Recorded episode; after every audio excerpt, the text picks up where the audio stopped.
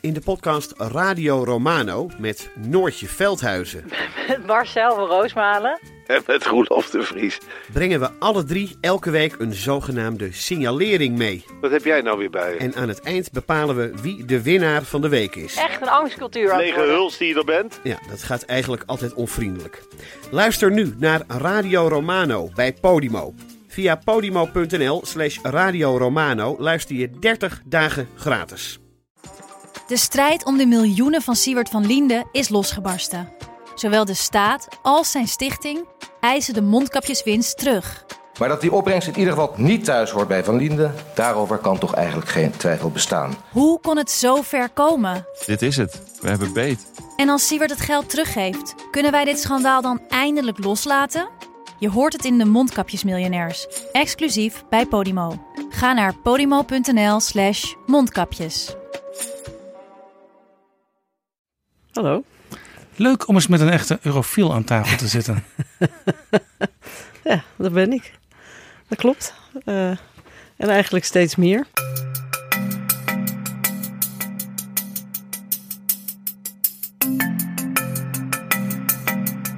Dit is Betrouwbare Bronnen met Jaap Jansen.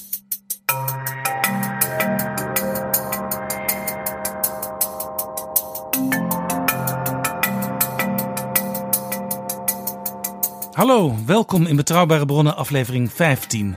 Voordat ik begin wil ik graag alle luisteraars bedanken, want we hebben deze week een mijlpaal bereikt. Betrouwbare Bronnen is inmiddels 100.000 keer gedownload en beluisterd. Als we in Den Haag zijn of in het land op politieke bijeenkomsten, krijgen PG en ik veel positieve reacties. De leukste hoorden we deze week van een oude rot in de journalistiek. Die zei: Ik luister de hele podcast en ik hoor altijd dingen die ik nog niet wist. Zo horen we het graag. En we gaan moedig voorwaarts. Aan het eind van deze aflevering zal ik nog even vertellen wat de vijf best beluisterde afleveringen zijn tot nu toe.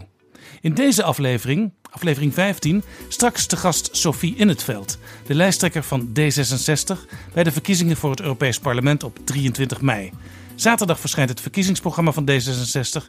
Ik heb het hier voor me liggen en we praten erover. We zijn objectief gezien het beste continent ter wereld. In Europa zit D66 in één fractie met de VVD. De VVD zit daar duidelijk eh, aan de rechter buitenkant. In het veld wil graag dat GroenLinks er ook bij komt. Ze is al in gesprek met Volt, een nieuwe pan-Europese politieke partij die een beetje op D66 lijkt. Sophie in het veld gaat voor een vierde periode van vijf jaar. Of wil ze misschien de Europese Commissie in als opvolger van PvdA Frans Timmermans? Als er een mogelijkheid zou zijn voor mij om eh, alle ervaring die ik heb, eh, de invloed die ik heb, eh, zeg maar aan te wenden voor het sterker maken van de Europese Unie en voor het uitdragen van de progressieve, pro-Europese, liberale D66-idealen, dan zal ik die mogelijkheid zeker aangrijpen. Dat straks. Maar nu eerst. Jaap Jansen en Pieter Gerrit Kroeger duiken in de politieke geschiedenis. I, George Herbert Walker Bush, do solemnly swear that I will faithfully execute the office of President of the United States that I will faithfully execute the office of President of the United States and will, to the best of my ability, and will, to the best of my ability, preserve, protect, and defend the Constitution of the United States. preserve, protect, and defend the Constitution of the United States. So help me God. So help me God. Congratulations.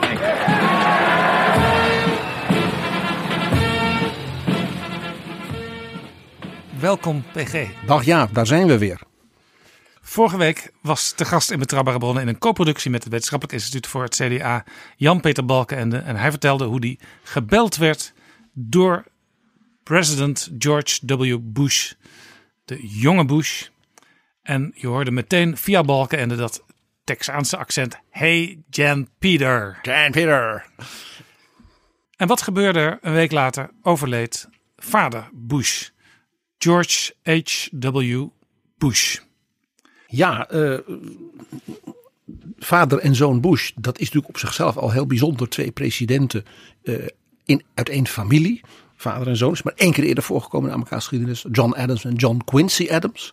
Dat, die komen vast een keer langs, want er was een hele bijzondere verbinding van die twee met ons land. Maar dat komt nog wel een keer. Overigens, die was er dus ook bij George Bush senior. Die is zelfs in Leiden geweest in de Pieterskerk bij het graf van enkele van de Pilgrim Fathers, zijn voorvaderen. Dus hebben de eerste migranten die in Amerika kwamen vanuit de Nederlanden. Ja, en dat was een bijzonder bezoek, want George Bush stapte op een gegeven moment zelfs uit de zwaar beveiligde limousine. Op het Rapenburg. Omdat ze op het Rapenburg niet uh, naar voren of naar achteren konden. Uh, er stonden gewoon te veel mensen. Gewoon het enthousiaste volk van Leiden. En toen dacht ik, ik stap maar even uit om uh, wat handen te schudden. En de bewakers die wisten zich eigenlijk geen raad wat daar gebeurde.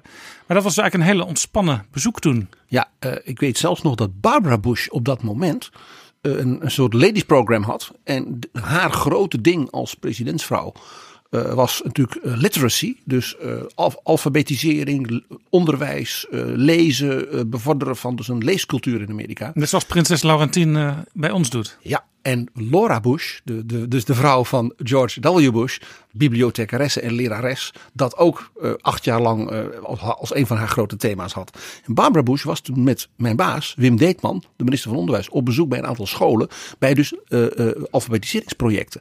Ja, want en, jij was politiek assistent van de minister van Onderwijs, Wim Deetman. Ik vertel het nog maar een keer. Ja. En uh, dat was dus heel interessant, want uh, uh, hij zei, die vrouw wist echt waar ze het over had. Hij was behoorlijk onder de indruk van haar. Dus dat bezoek, dat, dat was echt ook een inhoudelijk bezoek. Ja, en ze zijn toen ook nog op bezoek geweest bij Ruud Lubbers in het Katshuis.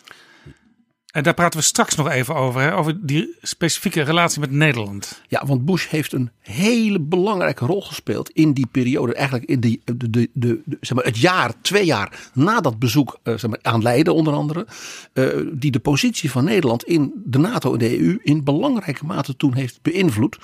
En laat ik het zo zeggen, hij heeft toen een van misschien wel de grootste fout van Ruud Lubbers in zijn politieke loopbaan toen gecorrigeerd. Maar nog even naar de persoon Bush om te beginnen. Hij is heel oud geworden, 94 jaar. De oudste president ooit van de Verenigde Staten. Uh, over een half jaar kan Jimmy Carter hem dan inhalen. Uh, ook wel heel bijzonder is, uh, het was natuurlijk duidelijk, de man was oud. Dus de familie in de Secret Service had ook een afspraak gemaakt wel, welke code ze zouden gebruiken als hij was overleden. Want dan moeten natuurlijk een aantal dingen worden voorbereid en, uh, en dergelijke. De president, uh, president Trump moet bijvoorbeeld worden geïnformeerd en dergelijke. Dat codewoord was KAVU. C-A-V-U. En dat was een begrip uit de tijd dat Bush een jonge marinevlieger was. Hij was de jongste marinevlieger van de, in de Amerikaanse geschiedenis. En KAVU, dat zeiden dus de, de marinejongens tegen elkaar als ze als ze maar van zo'n vliegtuigschip weggingen, om, te, om als het ware aan te geven uh, hoe het weer was waar ze op moesten letten. KAVU betekende Ceiling and Visibility Unlimited. Heel mooi om, om, om dat heeft, als het ware van je, van je vader, je grootvader te zeggen bij zijn dood. En dat zou dus gebruikt worden als hij nog president was en in het harnas zou sterven, wat natuurlijk niet, niet gebeurt, want hij is gelukkig nog heel lang onder ons gebleven. En is nu dus door zijn familie gebruikt als, zeg maar, als zeg maar, in het appgroepje en de, en de mededeling aan vrienden en de geheime dienst en dergelijke. Om dus als ware met een codewoord aan te geven dat de president overleden was. Opmerkelijk ook, hij is gestorven in hetzelfde jaar als uh, Barbara Bush, zijn vrouw. Ja, dat is wel heel bijzonder. Uh, hij heeft haar slechts enkele maanden over, overleefd. Het was, een, het was ook een uniek duo. Er is geen president in de geschiedenis in Amerika geweest die zo lang getrouwd is geweest als George Bush. Met zijn Barbara, 73 jaar waren die getrouwd. 73 jaar. Barbara Bush is onderlaatst onder, overleden. Zeer kleurrijke dame was dat. Uh, uh, on, zeer populair was ze. Uh, in Texas, maar ook in heel Amerika. Vooral ook omdat ze toch wel beroemd was om een wat, wat de Amerikanen noemen een salty tongue. Ze kon behoorlijk scherp uit de hoek komen. En had een wat, zeg maar wat minder vriendelijk karakter. Ze kon behoorlijk, ze, kon bijvoorbeeld heel goed haten, zei ze zelf altijd.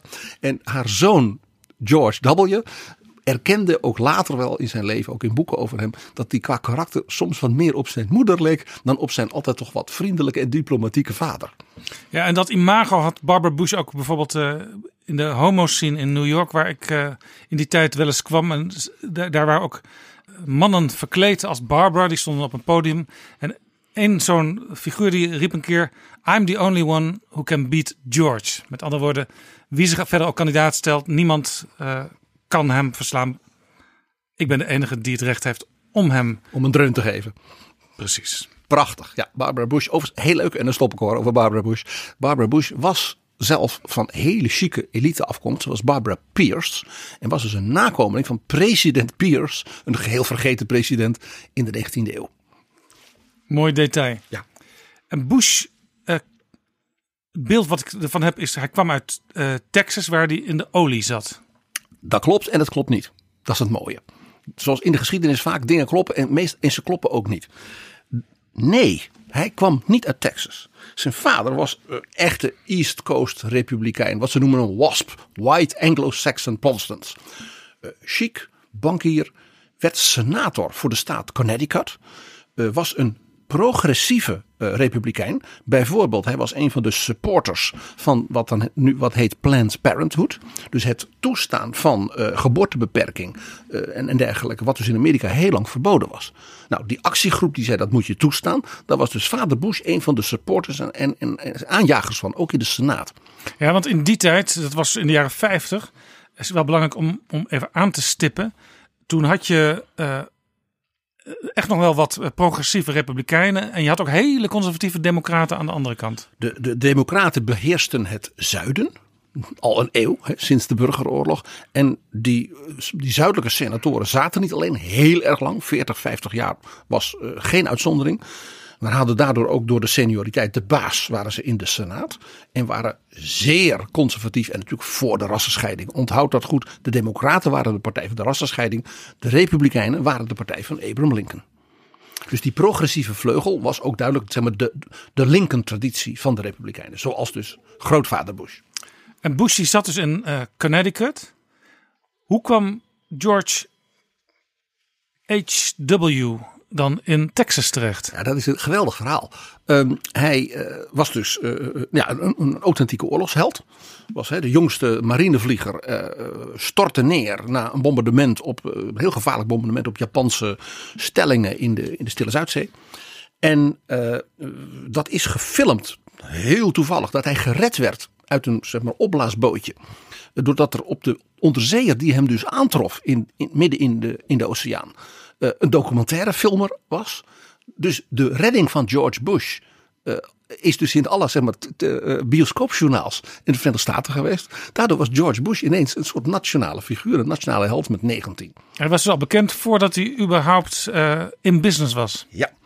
Uh, in, zijn, in zijn presidential library is dus ook het origineel van dat, van dat bioscoopjournaal te zien en dergelijke. Fascinerende dingen.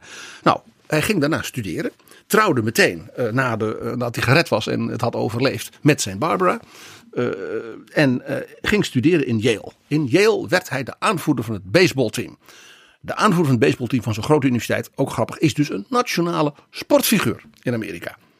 Kortom, voor hem, nou ja, laat ik zeggen, alle lopers waren uitgelegd toen hij klaar was met zijn studie.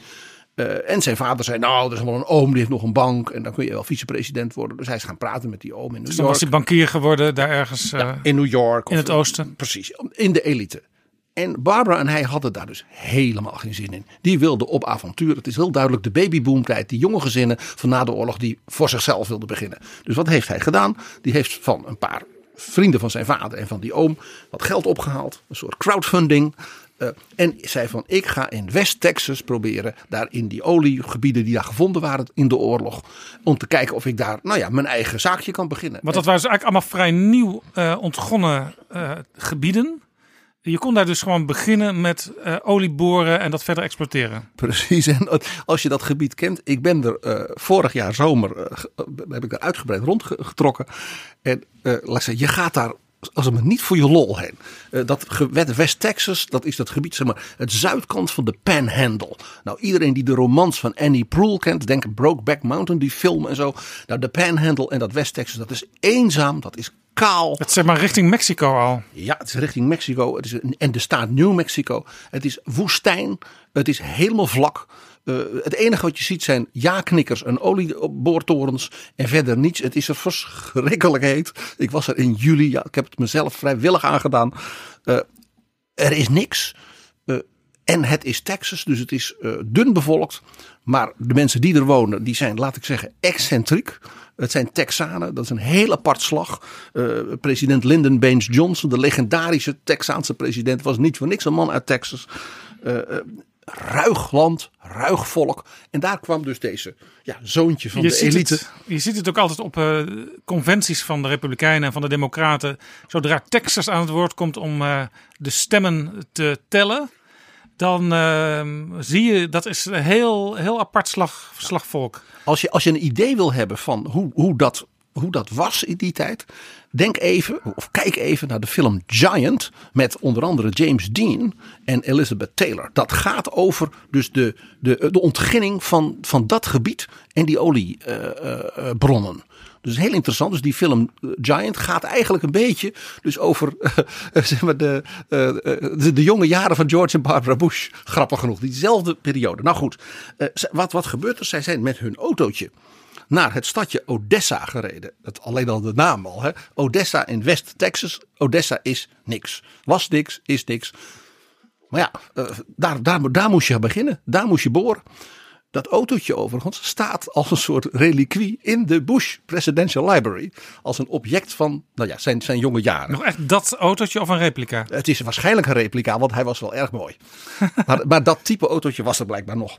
Nou, in elk geval, in Odessa hebben ze aan de rand van het stadje een huis gebouwd. Uh, nou ja, een huis. Uh, twee kamers met dan in het midden een gang. En dat was het dan. Je moet toch wonen? Je moet toch wonen. En laat ik zeggen, het is er allemaal veel te kaal en te heet en te droog.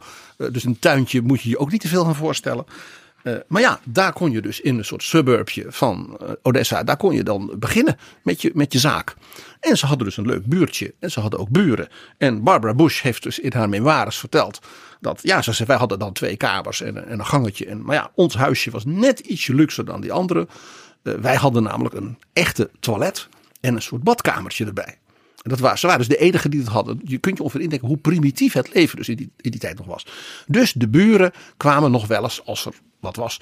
En dan gingen ze dus bij haar naar het toilet of bij haar de kinderen in, in, in bad doen.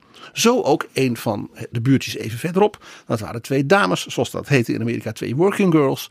Dames, Ah. dames van lichte zeden. En die, ja, die oude jongens moesten ook af een vertiertje hebben. Dus Barbara Bush die zei, nou ja meiden, als jullie bij mij willen badderen, dan kan dat hoor. Dit geeft iets aan van ook het type mens dat George en Barbara Bush waren. Ze stonden open voor alles. Voor hun buren en ook weer typisch Amerikaans. Je doet het met de mensen. You got to dance with the one that brung you. Zoals uh, dat zo mooi heet. Nou is um, de vader natuurlijk van, van Bush was uh, senator uit Connecticut. Een, een echte uh, republikein. En je vertelde net al, in het zuiden daar domineerden de democraten. Nou dus, uh, dus de, republikein uit het, van de oostkust elite, George Bush, met zijn ook zeer uh, oostkust elite presidentsnazaat Barbara, komen dus daar in Odessa aan. En ja, het eerste wat ze doen is ja, vrienden maken. Uh, een van de meest opvallende dingen die we ook hebben gehoord is George Bush had alleen maar vrienden. Hij was altijd heel sociaal, altijd vrienden maken, clubs. Dus in Odessa werden ook allemaal clubjes georganiseerd en wat al niet. Uh, overigens dat huisje in Odessa, even kleine kleinigheid, dat is er dus nog steeds. Sterker nog, ik ben er dus vorige zomer geweest ah. in Odessa. Daar is dus een soort buitenfaculteit uh, van de universiteit. En daar is een instituut helemaal gewijd aan de studie van het presidentschap. Dat is niet de Presidential Library, hè? Nee, de Presidential Library is een reusachtig instituut. Even noord van Houston in College Station bij de grote ja, want elke oud-president krijgt een library en dat is tegelijkertijd een enorm museum.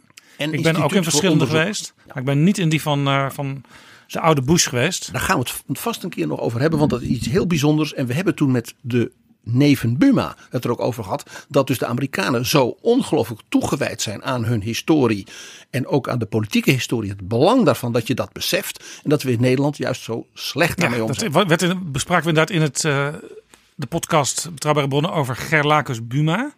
Maar dit was dus een, een, een, een niet de presidential, nee. presidential Library, maar een gebouw met heel veel aandacht voor ja. het presidentschap in het algemeen. Met dus een archief, met studiedingen en ook allerlei objecten van elke president hadden ze dus verzameld, ook via giften.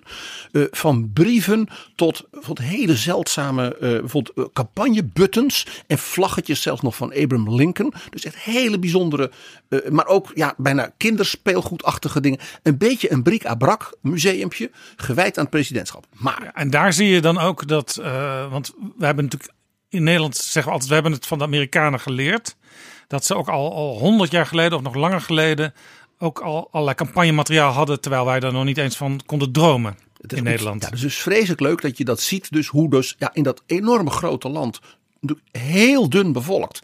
Dat is die campagnes, dat waren ook momenten dat men elkaar zag in zo'n staat in Kansas en in, daar in West Texas. En dus ja, die vlaggen en die vaandels en dat is- was gewoon, het was ook een beetje kermis, een beetje feest met elkaar. En dat huisje van George en Barbara, dat, heb jij dus bezocht. Dat staat daar in de tuin.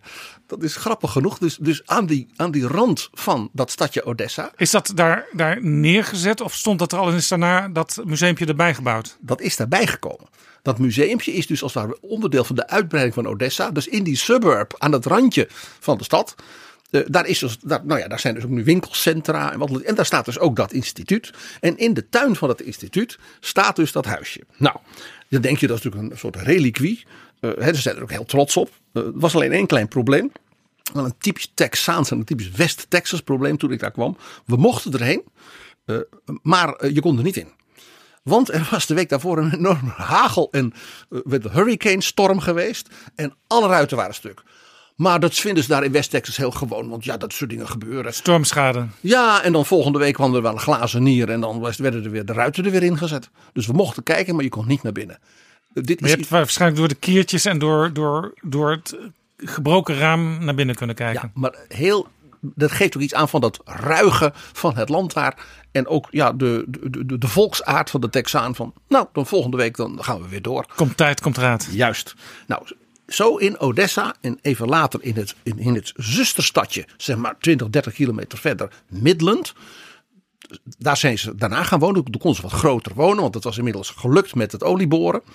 In Midland is ook George W. vooral opgegroeid. Hij is overigens wel geboren in Odessa, maar in Midland als daar heeft hij zijn, vanaf zijn tweede of zo zijn hele jeugd dan Midland, dat doet me qua naam een beetje denken aan halfweg tussen Amsterdam en Haarlem. Exact, exact is precies wat het betekent. En eh, eh, dat Midland is nu een, dat is een vrij grote stad geworden van zeg maar, de oliebusiness. Eh, Odessa is altijd dus een beetje, dat is ook zo aardig, een beetje klein, een beetje dorps gebleven. Nou, daar in Midland werd dus Bush politiek ook actief. Met, met vrienden. En dat was natuurlijk heel bijzonder. Want ja, Texas kende eigenlijk nauwelijks een republikeinse partij. Je moest eigenlijk democraat zijn als je iets in de politiek wilde daar. Ja, de, de, de- meestal hadden de Republikeinen ook geen kandidaten voor eh, posten. Dus voor gouverneur Was geen begin aan. of een senator. Dat hadden ze gewoon niet. Dus dat betekent dat de voorverkiezing binnen de Democratische Partij was feitelijk de verkiezing. Dus de winnaar daarvan was automatisch dan als het ware de senator of de gouverneur. Dit is Betrouwbare Bronnen, een wekelijkse podcast met betrouwbare bronnen. George Bush, de oude die nu overleden is, die was dus naar Texas gegaan. Daar zaten eigenlijk alleen maar democraten. Hij wilde de politiek in. Dan zou je zeggen, sluit je aan bij de Democratische Partij. Maar dat deed hij niet. Nee, dat was natuurlijk toch de familieeer van de zoon van een senator. eh, en toch een, een belangrijk man in die partij. Dus hij werd actief in de Republikeinse Partij in Texas. Dat was op zichzelf dus al heel uitzonderlijk. Eh, want die bestond nauwelijks. Had meestal geen kandidaten voor posten als gouverneur, senator en dergelijke. Ze waren er eigenlijk nauwelijks. Eh, Dat kwam mede door de burgeroorlog, waarin Texas dus met het zuiden had meegedaan. En men dus niet van de partij van Abraham Lincoln was, om het maar even zo te zeggen. Dat veranderde dus in de jaren 50 en vooral in de jaren 60. Eh, je zou kunnen zeggen, een, bijna een soort ontzuiling. Eh, Daarbij, hè, de- men, men laakte wat los van de vaste alliantie en loyaliteit naar alleen de Democraten. Het tweede was natuurlijk dat eh, Texas ook sterk sociaal en economisch veranderde. Grote influx van, van jonge mensen, eh, jonge gezinnen. In steden als Houston, als Dallas en dergelijke. Eh, ook de nieuwe economie die daar ook kwam. En het is een kiesdistrict zeg maar, van dus die wat rijkere jonge suburbs van Houston. Die George Bush dus hebben gekozen in het Huis van Afgevaardigden in Washington. Dat was het begin van zijn politieke loopbaan ineens. En in zekere zin waren sommige democraten ook misschien te conservatief toen. En was hij een moderne jonge gast. Eh, dus uiteindelijk vond die ook wel zijn kiezers. Ja, en het grappige was, het beste voorbeeld daarvan was zijn grote vriend. En de man die zijn, die zijn eerste campagnemanager was. Dat was een democraat, maar een behoudende democraat. James Baker, de man die later ook minister van Buitenlandse Zaken werd. En die ook aan zijn sterfbed zat. James A. Baker III herinner ik me altijd onder opiniestukken. Uh, ik herinner me zelfs dat toen uh, de jonge Bush president was geworden, de zoon van, van de overleden president, uh, dat er af en toe wel eens een opiniestuk was geschreven door James Baker III waarvan iedereen wist, nou, er is waarschijnlijk de oude Bush het wel mee eens met alles wat die James daar schrijft. Ja, James Baker en hij waren echt een duo. Uh, letterlijk dus, zou ik je zeggen, hun hele politieke leven, maar ook hun persoonlijke leven. Maar die James Baker, toen ze elkaar tegenkwamen, dat was dus een democraat daar in Texas. Uiteraard, want dat was een, een zoon van een, van een chique, elitaire familie van rechters en dergelijke. En ja, dan moest je democraat zijn. Dus, dus James, George Bush vroeg zijn vriend James Baker als campagneleider. En die zei, ja, dat is een beetje een probleem, want ik ben niet van jouw partij. En toen, zei, toen heeft hij dus de onsterfelijke woorden gesproken, maar daar kunnen we iets aan doen. En toen heeft James Baker gezegd, nou vooruit, omdat je mijn vriend bent. En uh, toen heeft hij dus uh, zich laten overschrijven van democraat naar republikein. En toen begon hun politieke avontuur. En toen begon hun politieke avontuur. Uh, heel bijzonder. Absoluut is James Baker was zo'n fantastische politieke manager en organisator en strateeg. Dat toen Bush vicepresident werd onder Ronald Reagan.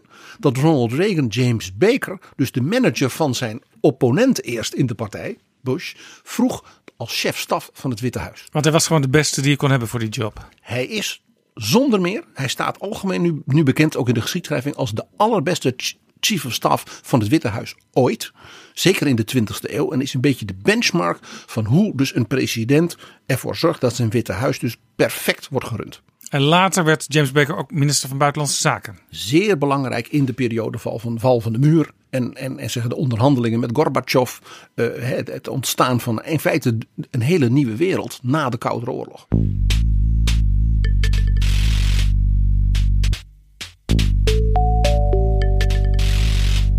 James Baker zat vrijdag 30 november aan het sterfbed van George Herbert Walker Bush.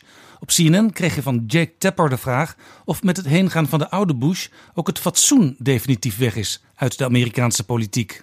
Well, well, I hope it didn't die on Friday uh, because we need, we badly need to uh, to bring some civility back into our public discourse and into our politics and into our discourse generally. I mean, we need to stop yelling at each other and and start listening to each other. At least be willing to listen. You don't have to agree, but you know George Bush had a had a Congress that was totally controlled by Democrats. He had a, a Demo- the entire time of his presidency. He had a Democratic House and a Democratic Senate, and uh, and look what he got done. So it can be done, and and uh, I, am just confident uh, that, that with the systems of system of checks and balances we have in this country, it's going to be done again, Jake. I, I don't. I think we're going to get back to it. I really do. James Baker op CNN.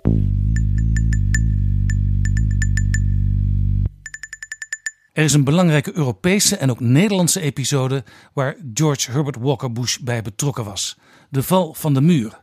In Nederland was toen het derde kabinet Lubbers net begonnen. Met het CDA en de Partij van de Arbeid. Twee dagen voordat de muur viel, werd dat kabinet uh, zeg maar ingehuldigd. En uh, uh, eigenlijk, uh, dat kabinet had zijn regeerakkoord als het ware twee dagen later zo de prullenbak kunnen gooien. Want de wereld was volkomen veranderd. Dat had enorme consequenties natuurlijk voor de Nederlandse internationale positie.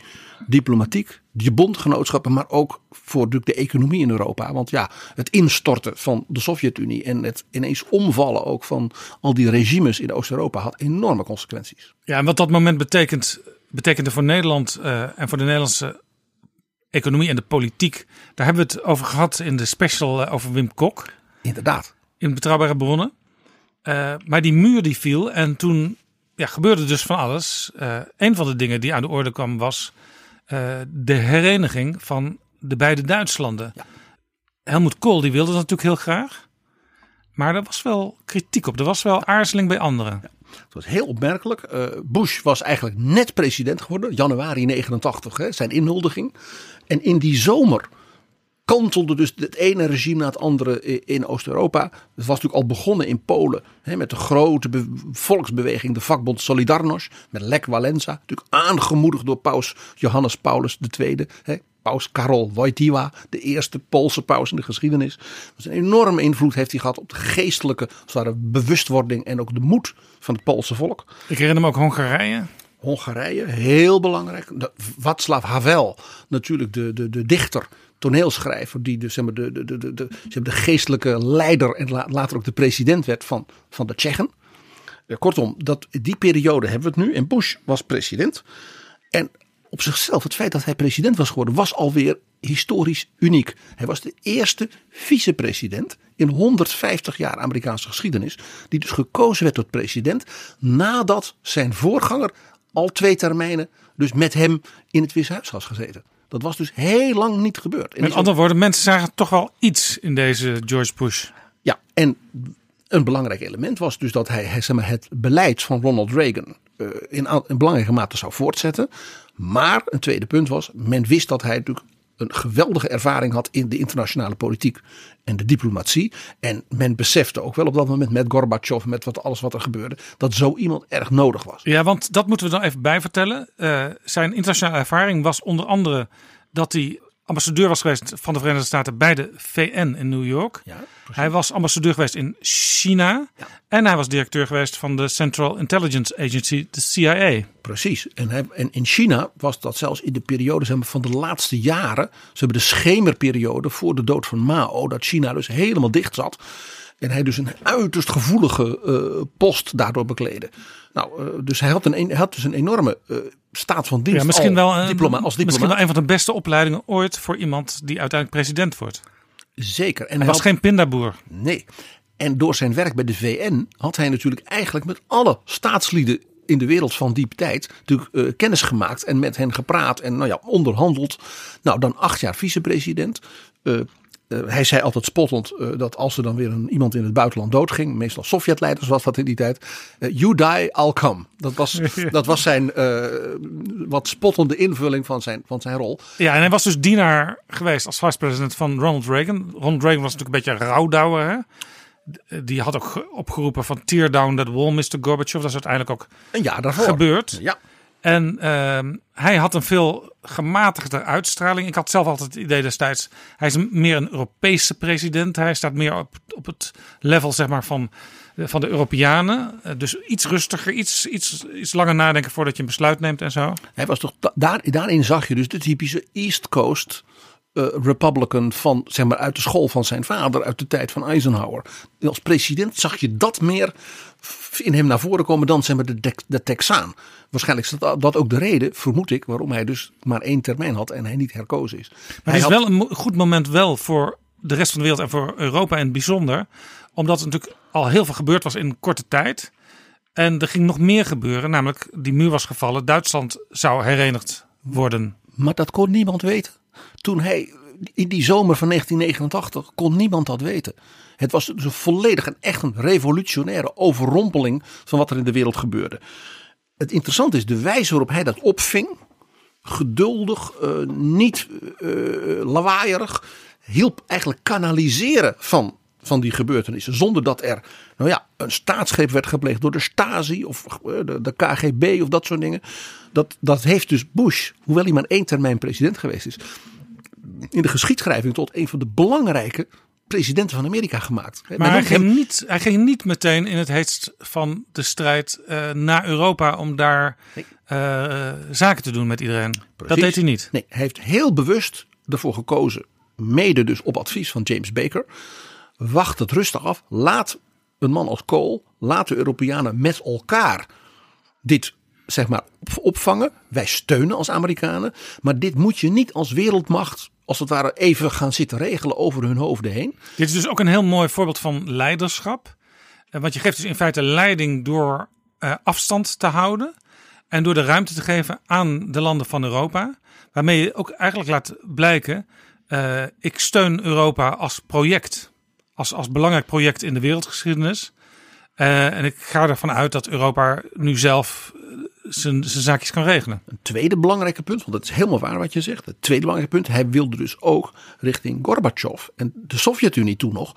Dus niet een soort lekker houding, wij hebben gewonnen, maar meer van wat kan ik doen om op een zeg maar, moderate manier te kanaliseren wat daar allemaal aan revolutionaire beweging is. Zodat er geen nou ja, burgeroorlogen en dat soort dingen, zoals later in Joegoslavië natuurlijk wel gebeurde, ze gaan uitbreken. Uh, en dat Gorbachev als ware een soort zachte landing kan maken met de Sovjet-Unie. Want dat was natuurlijk toch een, een, een, een kernmacht. En hij had liever daar een gematigde Gorbachev met wie je kon praten dan een van de wilde generaal of een KGB-type. Dus ook daarin zeer, uh, als het ware, matig, voorzichtig en tegelijkertijd met een hele heldere, zeg maar, lange termijn strategie. In die Presidential Library van Bush, in College Station in Texas. Daar vind je dus, zeer interessant, de originele transcripties en telexen van het, zeg maar, het telefoonverkeer en dergelijke van Bush met bijvoorbeeld Helmut Kohl de dagen van, van dat de muur viel. Maar ook met Gorbachev op, op dus de momenten dat het heel spannend werd. En dan zie je dus hoe Bush voortdurend vooral luisterend is. Vooral zegt van wat kan ik, kan ik doen? Hoe kunnen wij bijdragen? Is het nuttig dat we een keer een, bijvoorbeeld een topconferentie beleggen? Wanneer zal ik dat doen? En dus ook een beetje, what, what is your idea about the, the situation? Ja, hij, hij laat dus bijvoorbeeld een man als Kohl vooral ook vertellen. Dat is zeer interessant. Nou, uh, dus je krijgt dan in die bibliotheek in Texas, als het ware hoe Cole heel ja, fris van de lever zijn eerste indrukken van bijvoorbeeld zijn eerste bezoek aan de DDR.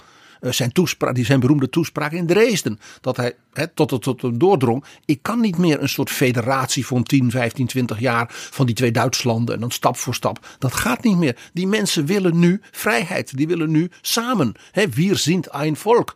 Riepen ja, honderdduizenden mensen. Want in Europa was wel een beetje het idee bij andere leiders. Uh, doe er dan maar rustig aan. Uh, laat de DDR in een, in een nieuwe vorm voortbestaan. Maak er een soort uh, confederatie van. Maar ga dat niet meteen als één land beschouwen. Dat is heel interessant. er was grote aarzeling. In de, in de, in de, in de internationale politiek is niets zo erg als ehm, grenzen veranderen, als landen teloor laten gaan. Het liefst wil iedereen alle landen van de wereldkaart precies zo houden zoals ze 100, 200 jaar geleden waren. Eh, want het geeft stabiliteit. En dan kunnen die landen wel intern veranderen, kunnen wel andere regeringen komen en zo. Maar het geeft vooral stabiliteit. En anders dan, uh, dan raak je maar in de war. Is vaak het idee in de internationale diplomatie. veel mensen zijn het bijna wat vergeten. Dat dus die zomer, winter uh, 1989, 1990 dat is een periode was dat eigenlijk alles op drijfstand leek. Uh, wij zijn het nu achteraf gewoon gaan vinden. Dat die Oost-Europese landen, dat die dus een democratische regering kregen, een rechtsstaat, dat ze mee gingen doen in de NATO, dat ze mee gingen doen in de EU. Dat is een godswonder. Het waren landen die dus gedomineerd werden decennia door een keiharde dictatuur. Communistisch, militaristisch. Uh, dus dat daar niet geschoten is, om maar zo te zeggen, in Warschau op straat, uh, in, in Budapest, uh, in Bulgarije. Dat is een wonder. En als ik praat met mensen die er destijds bij betrokken waren, toppolitici, aan wie ik dan de vraag stel. was het wel zo verstandig om die Oost-Europese landen, die Midden-Europese landen, zo snel al bij de Europese Unie te halen, zo snel al bij de NAVO? Dan is het antwoord eigenlijk altijd unisono we konden niet anders. Dit was het lot van de geschiedenis. Hadden we ze er niet bij gehaald, dan waren sommige landen misschien wel vrij snel teruggevallen in dictatuur en misère. Dat is wat je dus in Joegoslavië zag. De, de situatie in Joegoslavië is uit de hand gelopen doordat men dus niet uh, de bevolking daar een soort perspectief kon geven. En men dus allerlei etnische en nationalistische uh, uh, gevoelens en haat, die dus al die jaren in die dictatuur dus onderdrukt was. Dat kookte ineens over. Nou, nou zag je dus ook allerlei religieuze uh, tegenstellingen. Hè, moslims tegen, tegen de Kroaten en de Serviërs en, en, Kosovo en al die ellende. Dat dat, dat dat dus elders in Oost-Europa niet of nauwelijks is voorgekomen, is dus een wonder. En daar heeft dus president Bush door zijn zeer, ja, zeg maar, verstandige, rustige, bijna modererende opstelling heel aan bijgedragen. En in dat opzicht dus het punt waar ik het eerder al over had. Eh, de houding van Nederland in die periode was nou niet bepaald, ik zal maar zeggen, slipvrij. Ja, het kabinet Lubbers-Kok, net aangetreden. Ja, dat uh, ja, werd ook overrompeld, net als iedereen. Uh, en uh, in het begin was Lubbers buitengewoon argwanend over de ontwikkelingen in Duitsland met name. Ook argwanend richting wat de ware bedoelingen van Helmut Kohl waren. Hij was overigens niet de enige. bijvoorbeeld mevrouw Thatcher was uh, buitengewoon tegen de Duitse hereniging. Of het streven naar de Duitse hereniging. Toen dat dus merkbaar werd. Die had natuurlijk ook nog de, de Tweede Wereldoorlog ja, meegemaakt. Daar werden allemaal, ineens werden, werden allemaal gedachten uit die tijd werden weer, kwamen weer boven. De, de Britse tabloids die stonden natuurlijk vol met anti-Duitse leuzen elke dag. Absoluut. maar bijvoorbeeld ook de Italiaanse premier toen al een oude man die dus ook veel had meegemaakt. Giulio, Andreotti, Andreotti. Ook die was zeer negatief. En in het begin, dat is iedereen wat vergeten, ook François Mitterrand, de grote vriend van Helmut Kool, heeft toen Kool behoorlijk uh, wat in de steek gelaten tijdje. Hij is toen bijgedraaid. Maar ook Mitterrand vond uh, het idee van dat er één grote Duitsland zou komen nou niet zo'n geweldig idee hoor. Ja, het is natuurlijk wel paradoxaal, want de Europese Unie, opgericht door zes landen, is begonnen als, als vredesproject. En hier, uh, ja, je zou kunnen zeggen, het allergrootste vredesproject van de eeuw, de Duitse eenwording. Daar waren dus twijfels, maar ook wel weer begrijpelijk, want de, balans binnen de Europese gemeenschap toen nog, uh, die zou natuurlijk zwaar verstoord worden als er zo'n zo'n moloch in het noorden kwam. Ja, al, al dat soort argumenten gingen natuurlijk over tafel. Uh, Lubbers bijvoorbeeld, die uh, had een speech in Tilburg. Waarbij hij zei, ja, dat is natuurlijk mooi voor die Duitsers. En dat was dan zo'n dictatuur, dat die wordt afgeschaft in de DDR, dat is mooi. Maar voordat dat nou allemaal weer bij elkaar gaan kruipen, moeten de Duitsers, en met name ook Kool, moest dan nog wel even bevestigen dat ze de westgrens van, zeg maar de Odenijse grens met Polen erkenden daar is Kool woedend om geworden. Want dat, wat zei Nederland, hè, Lubbers hiermee, wij geloven helemaal niet dat jullie de vredesregelingen en, en, en laat ik zeggen, van na de Tweede Wereldoorlog hebben aanvaard. Misschien gaan jullie Silesië en Oost-Pruis wel weer opeisen. Kolen moest eigenlijk een soort examen afleggen uh, voor Lubbers. Ja. En voor de rest. Ja, nou dat viel dus heel verkeerd. Uh, er is toen een spoedtop uh, belegd van de Europese Unie. Met alle leiders om even nou ja, een soort gevoel te hebben van hoe, hoe staan we er nu in. Uh, dat die, die top leidde tot enorm gedoe. Uh, de, de rechterhand van Kool, Horst Teltschik, heeft een boek geschreven over die dagen. Zijn dagboeken dus, als het ware bewerkt tot een boek. En daarin zegt hij dat Kool woedend was omdat Ruud Lubbers. Er kwam geen woord van wat fijn voor de Duitsers. Wat een groot geluk dat er, dat er nou geen dictatuur meer is uh, in Duitsland. Ook wij als Nederlanders hebben onder, een, onder zo'n dictatuur van de naties moeten zuchten. Ja. Nee, hij, de term die hij gebruikt, uitgesproken kil. Uh, mevrouw Thatcher was vooral emotioneel, maar, Col, maar Lubbers was dus vooral heel kil. En we weten ook dat dit eigenlijk toch een beetje de, de zwarte bladzijde in de politieke geschiedenis van Ruud Lubbers heeft bevorderd. Uh, namelijk dat hij later niet de hoogste functie in de Europese Commissie kon krijgen. Daar heeft Kool echt uh, een stokje voor gestoken. En dat kwam gewoon door deze episode. Ja, een aantal episodes. Maar dit, dit, dit, dit was er één. De belangrijkste ja. misschien ja. wel. Ja. En, maar we hebben het eigenlijk we hebben het niet nu over Kool. We hebben het niet over Lubbers. Maar we hebben het vooral over George Bush, de oude Bush. Want die greep in toen dus binnen Europa die landen uh, dus niet op één lijn kwamen. Er dreigde bijvoorbeeld zelfs een scheuring zowat in de Europese Volkspartij, dus de Christen-Democratische Unie van, hè, van, de, van het CDA en de CDU. Die ook altijd voorafgaand aan een Europese top bijeenkomen. Ja, die heeft dus een spoedoverleg gehad in Salzburg. 1 en 2 december 1989. Dus je begrijpt, de, zeg maar, de, de, de brokstukken van de muur die lagen er als het ware nog. Uh, zo, zo heftig was, was ook het overleg, al die spoedoverleg in die tijd. Nou, op die bijeenkomst is de, de, zaak zowat geklapt.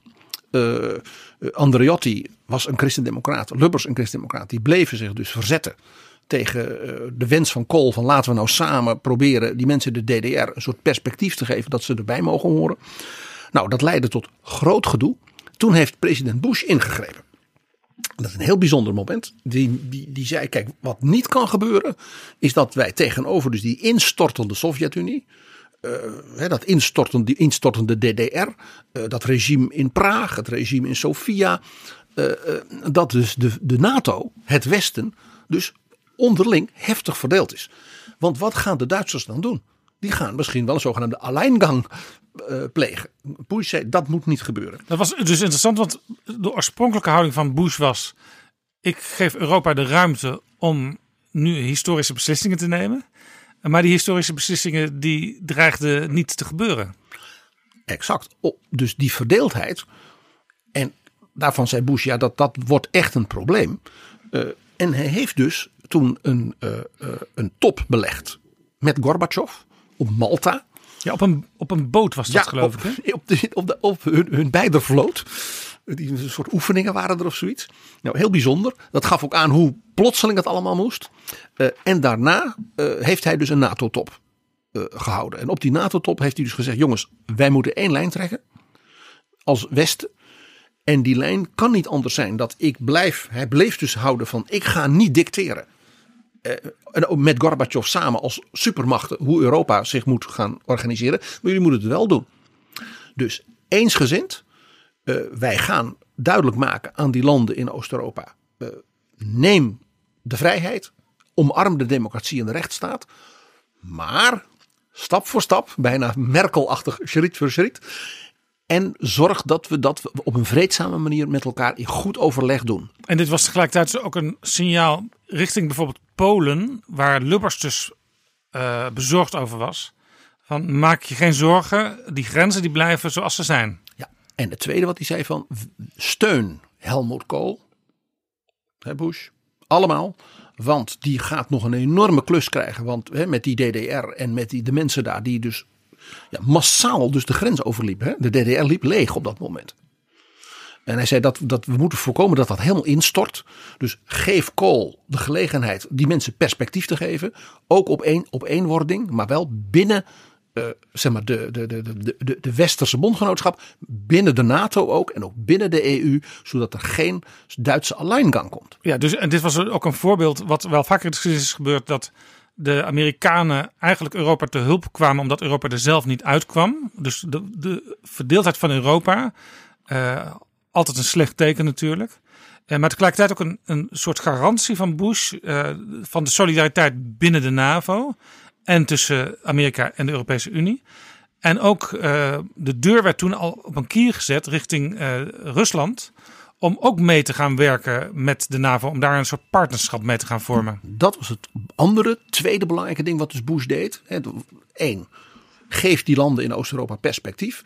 Geef dus ook de DDR perspectief op die eenwording. Dat is nodig en daar moeten we met z'n allen als Westen achter staan. Dus wij steunen Kool. Dat was dus een correctie op de lijn van Thatcher, van Andriotti en van Lubbers. Twee, wij geven Gorbachev de hand. Wij zeggen hem, als jij dus dat imperium met die, die, communistische dictaturen en dat militarisme wilt afwikkelen, dan zijn wij als Westen bereid die landen te helpen, maar ook Rusland te helpen. En dus ook Rusland bijvoorbeeld economisch te ondersteunen bij de, transformatie naar een modernere, niet-communistische commando-economie. Zoals de commando-economie van het communisme was. Nou, Kool zei onmiddellijk als Gorbachev zeg maar, de DDR bereid is los te laten. En te laten herenigen met wat dan West-Duitsland op dat moment nog heette. Dan zijn wij natuurlijk bereid om de Sovjet-Unie te helpen. Uh, dus de, de West-Duitsers hebben toen gezegd: wij betalen de afwikkeling van het hele Rode Leger in de DDR. Dat heeft miljarden gekost, want die mensen moesten een huis hebben. Dus de, de, de West-Duitsers hebben dus de huisvesting betaald van de soldaten die dus terug moesten naar Rusland. Ja, het heeft ook al uh, heel veel jaren echt zwaar op de begroting van, uh, van het toen herenigde Duitsland gedrukt. Ja, en, en, en Bush, Bush heeft dus met Kool, als het ware dat gebaar ook richting Gorbachev gemaakt. Van als de Sovjet-Unie die landen als het ware bereid was te bevrijden. En ook die economie en de rechtsstaat te, te laten herstellen. Dan zijn wij bereid de Sovjet-Unie te helpen. En blijven we de Sovjet-Unie ook gewoon waarderen als partner. En niet meer als vijand. En dat bleef ook zo onder uh, Boris Yeltsin, die daarna de macht overnam van Gorbachev. Ja. Uh, en later is het natuurlijk allemaal weer in het slop geraakt. En in die situatie zitten we nu met de Russen. Ja. Het is zeer interessant dus hoe Bush dus in die NATO-top in feite een lange termijn strategie in ja, hele heldere lijnen heeft uitgezet. En daarmee, laten we drie omheen draaien, het beleid van het kabinet Lubbers-Kok fors heeft gecorrigeerd. Lubbers is in die NATO-top toen door de knieën gegaan. Mevrouw Thatcher heeft nog een hele tijd gesputterd. Uh, maar dat was natuurlijk ook een nog wat groter land met een, uh, met, met, een, met een veto bij de VN en dergelijke. Maar Nederland ging door de knietjes.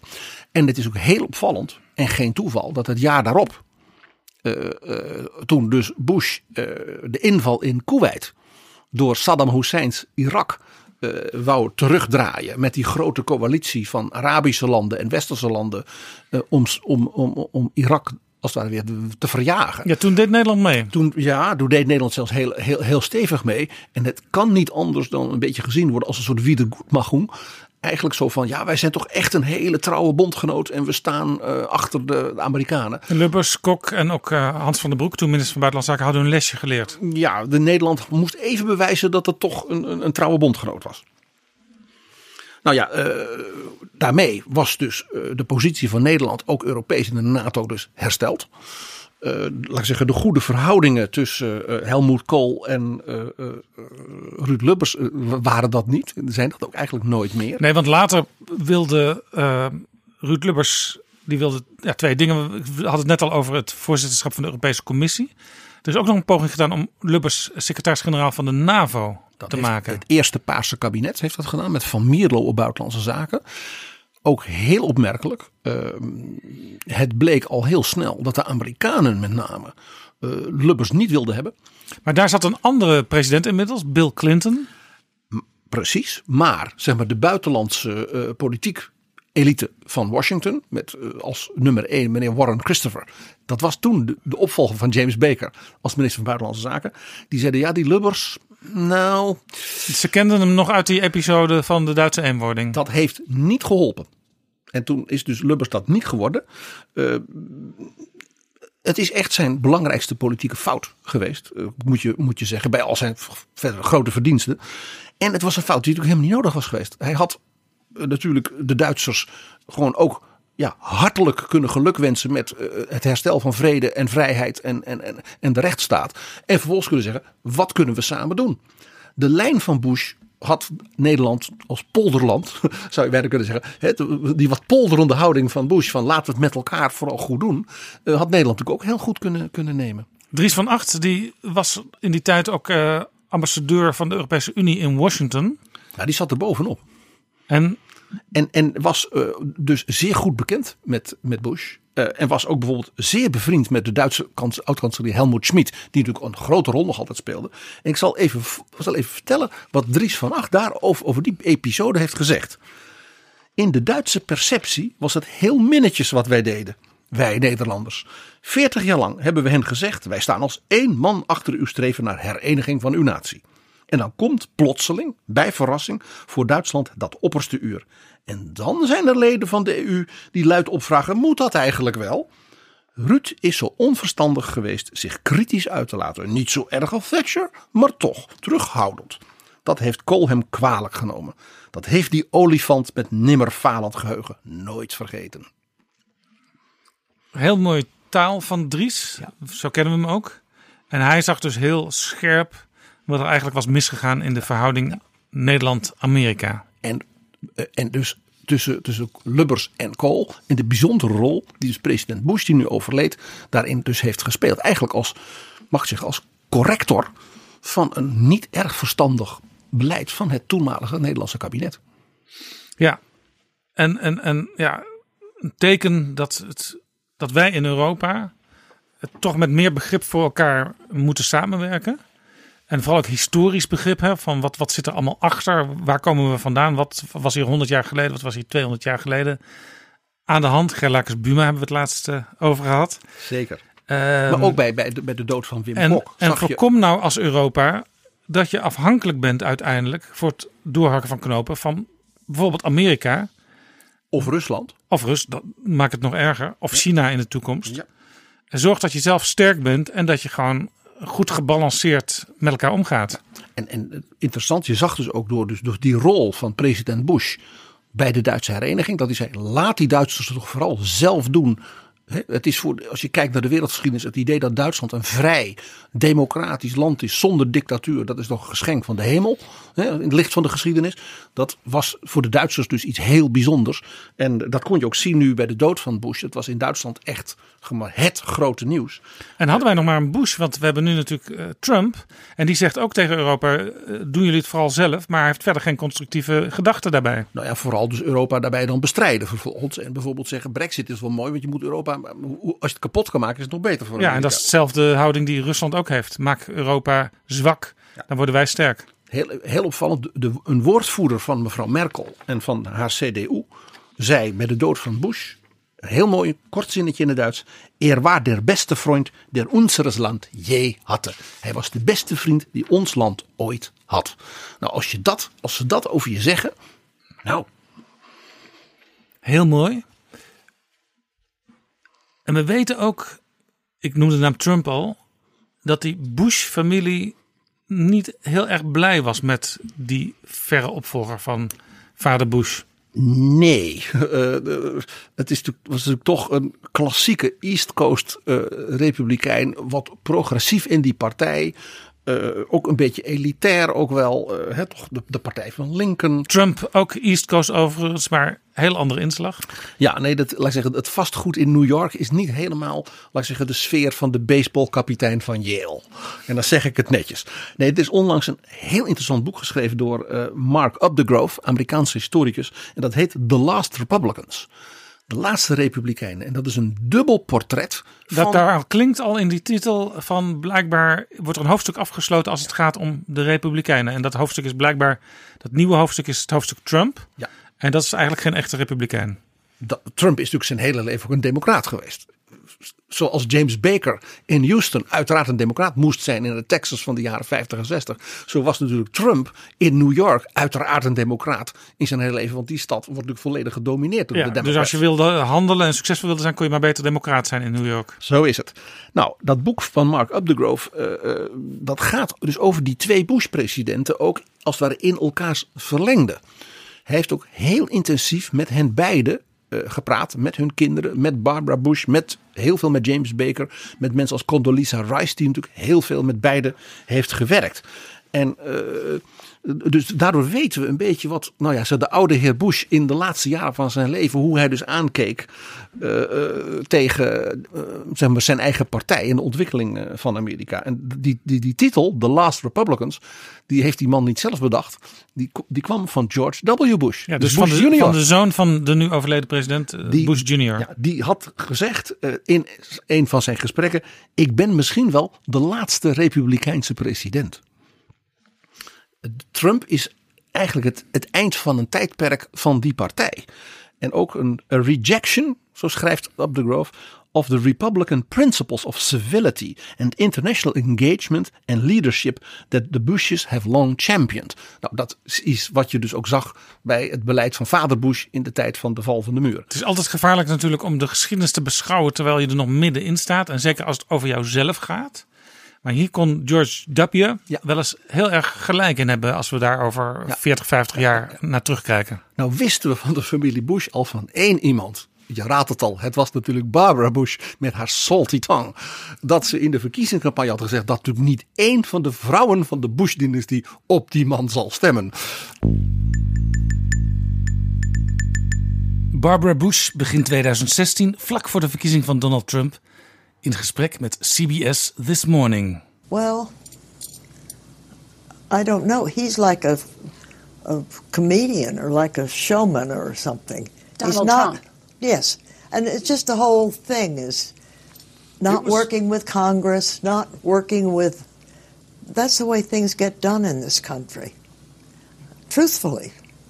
He's called Mexicans rapists. Well, what about women? How he's treated women. Yes. I mean, unbelievable. I don't know how women can vote for someone who said what he said about Megan Kelly. It's terrible. Mm-hmm. And we knew what he meant, too. He wasn't. Mm-hmm. Don't you get in his firing line. And money doesn't buy everything. It's accomplishments and what you're doing and giving, and it's incomprehensible to me.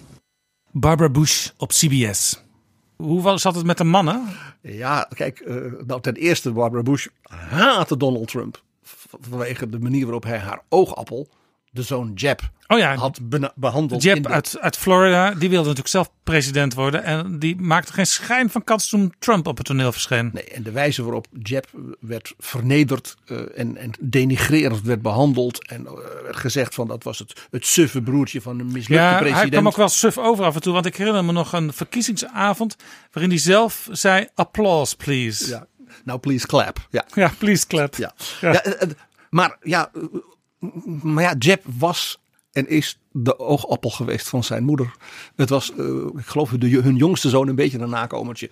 En, en, en dus kwam niet aan Jeb, dan kwam je aan Barbara. En dat heeft Donald Trump geweten, want ze zei dus openlijk: niet één vrouw van de Bushes zal natuurlijk op zo'n proleet stemmen. Uh, zelf werd Bush ook gevraagd in een interview. Eh, Wat hij van Trump vond. En ja, als oud-president van de Republikeinse Partij moet je dan natuurlijk wat, wat, wat. Hij bleef dan altijd wat diplomatiek. Maar toen zei hij ja. Hij zei, toen zei hij ja, het is natuurlijk wel een beetje een blowhard. Wat een Amerikaan niet zo heel parlementair woord is in het Amerikaans. Zeker voor zo'n nette diplomaat. En dat betekent een soort windmachine. Eigenlijk wel een, een, een mooie, mooie, uh, rake tref, trefzekere omschrijving eigenlijk van Donald Trump. Het is een windmachine. En uh, in het boek van Mark Updegrove, uh, daar zit een kleine sensatie in. Updegrove heeft namelijk genoteerd, en dat is dus niet tegengesproken door de Bushes, dat George Bush senior op een liefdadigheidsgala uh, Chelsea Clinton tegenkwam. En Chelsea Clinton is natuurlijk de dochter van Bill en Hillary. Bill is een soort adoptiefzoon geworden van George Bush op een hele opmerkelijke manier. Dus ja, hij, zij was een beetje zijn adoptief kleindochter. En hij had natuurlijk toch een beetje medelijden dat dat niet goed was gegaan met haar moeder. En toen heeft hij gezegd, sweetheart, wij hebben allemaal op je moeder gestemd. Het punt was alleen dat er heel veel omstanders waren die dit allemaal hebben gehoord. Dus dat was een tamelijk onthullende opmerking van een oude heer tegen een soort kleindochter van hem. Ja, en dat was, dat was de Bush al in zijn laatste jaren, denk ik, in zijn rolstoel. Hè? Ja, in zijn rolstoel. Hij had een variant van, van Parkinson. Ja, had Parkinson. Dus, dus uh, Chelsea Clinton die boog zich naar hem toe. En toen riep hij dat nogal, uh, nogal ja, hoorbaar zoals, voor alle omstanders. gaat vaak in dat soort situaties. Sweetheart, we hebben allemaal op je moeder gestemd. Nou, van Barbara wisten we dat al, maar dit was natuurlijk wel zeer opmerkelijk. En laatste dingetje over de persoon van president Bush. Uh, in zijn presidential library is natuurlijk, zoals in al die presidential libraries, een soort replica gemaakt van de Oval Office. Dus ook die van president Bush. En daarin staan alle originele van die Oval Office. Die worden dus geschonken door de opvolger voor die bibliotheek. Maar niet het bureau toch? Maar niet het bureau. Het bureau is natuurlijk het de Resolute Desk. Een geschenk van koningin Victoria overigens. Precies, want de, de, de Trump die zit nu aan de Resolute Desk. Ja. Sommige presidenten die nemen weer die van hun voorganger. Sommigen die gaan 100 jaar terug. Maar die, die bureaus die staan dus allemaal ergens in de kelder waarschijnlijk van het ja. Witte Huis. Of in een bijgebouw staan die opgeslagen. De Resolute Desk is nu de, de zeg maar, klassieke traditionele uh, En dat is ook het idee. Je, geeft, je neemt in feite besluiten aan de tafel waar voorgangers ook gezeten hebben. Om de continuïteit van de geschiedenis van jouw land te, te, te onderstrepen. Exact, exact. Maar andere dingen zoals de gordijnen en de kasten en zo. Alles. De, de schilderijen. schildjes aan de muur. Ja, de schilderijen. De, ook de persoonlijke dingen natuurlijk van zo'n president. De foto van zijn vrouw en zijn kinderen. Uh, nou, elke president heeft ook zijn eigen kleuren, zijn indeling, zijn meubels. Dat schenken ze allemaal. En zo ook dus in de Bush Library in College Station in Texas. En in, dat, in die library, daar is een object. En dat kun je zien en daarvan zeggen ze dat heeft altijd in de la van de Resolute Desk gelegen. Als een herinnering van Bush aan een bepaalde periode van zijn leven.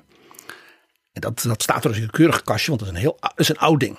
En als je dan, zoals ik, uh, als bezoeker, achter de Resolute Desk, replica natuurlijk, hè, in die Oval Office mag zitten. Dan mogen ze een foto van je maken, dat is natuurlijk altijd leuk. Mocht je daar echt gaan zitten, ik ben Ja. wel eens in uh, Presidential Libraries geweest en daar stond zo'n touwtje voor. Dan mocht je wel foto's maken, maar dat, dat, dat, dat bureau stond nog vijf meter verderop. Maar dat mocht daar wel. Zowel bij zoon Bush als bij vader Bush. Uh, niet bij uh, president Johnson, waar ik ook nog geweest ben in de library. En, uh, maar daar mocht dat wel. Wat lag er in die la? Daar, en toen zeiden ze, maak die la maar open meneer. Het is zeg maar de derde van boven. Aan, de, aan, aan, aan mijn linkerhand. En ik deed even open. En ja, daar lag natuurlijk een moderne replica van dat object. En dat was de handschoen die hij had als chef, aanvoerder van het baseballteam als student in Yale. En waarom? Omdat hij daarmee zich herinnerde dat als je wilde winnen, dat je dus een team moest hebben dat jou vertrouwde. En daarom zat dat altijd in zijn bureau.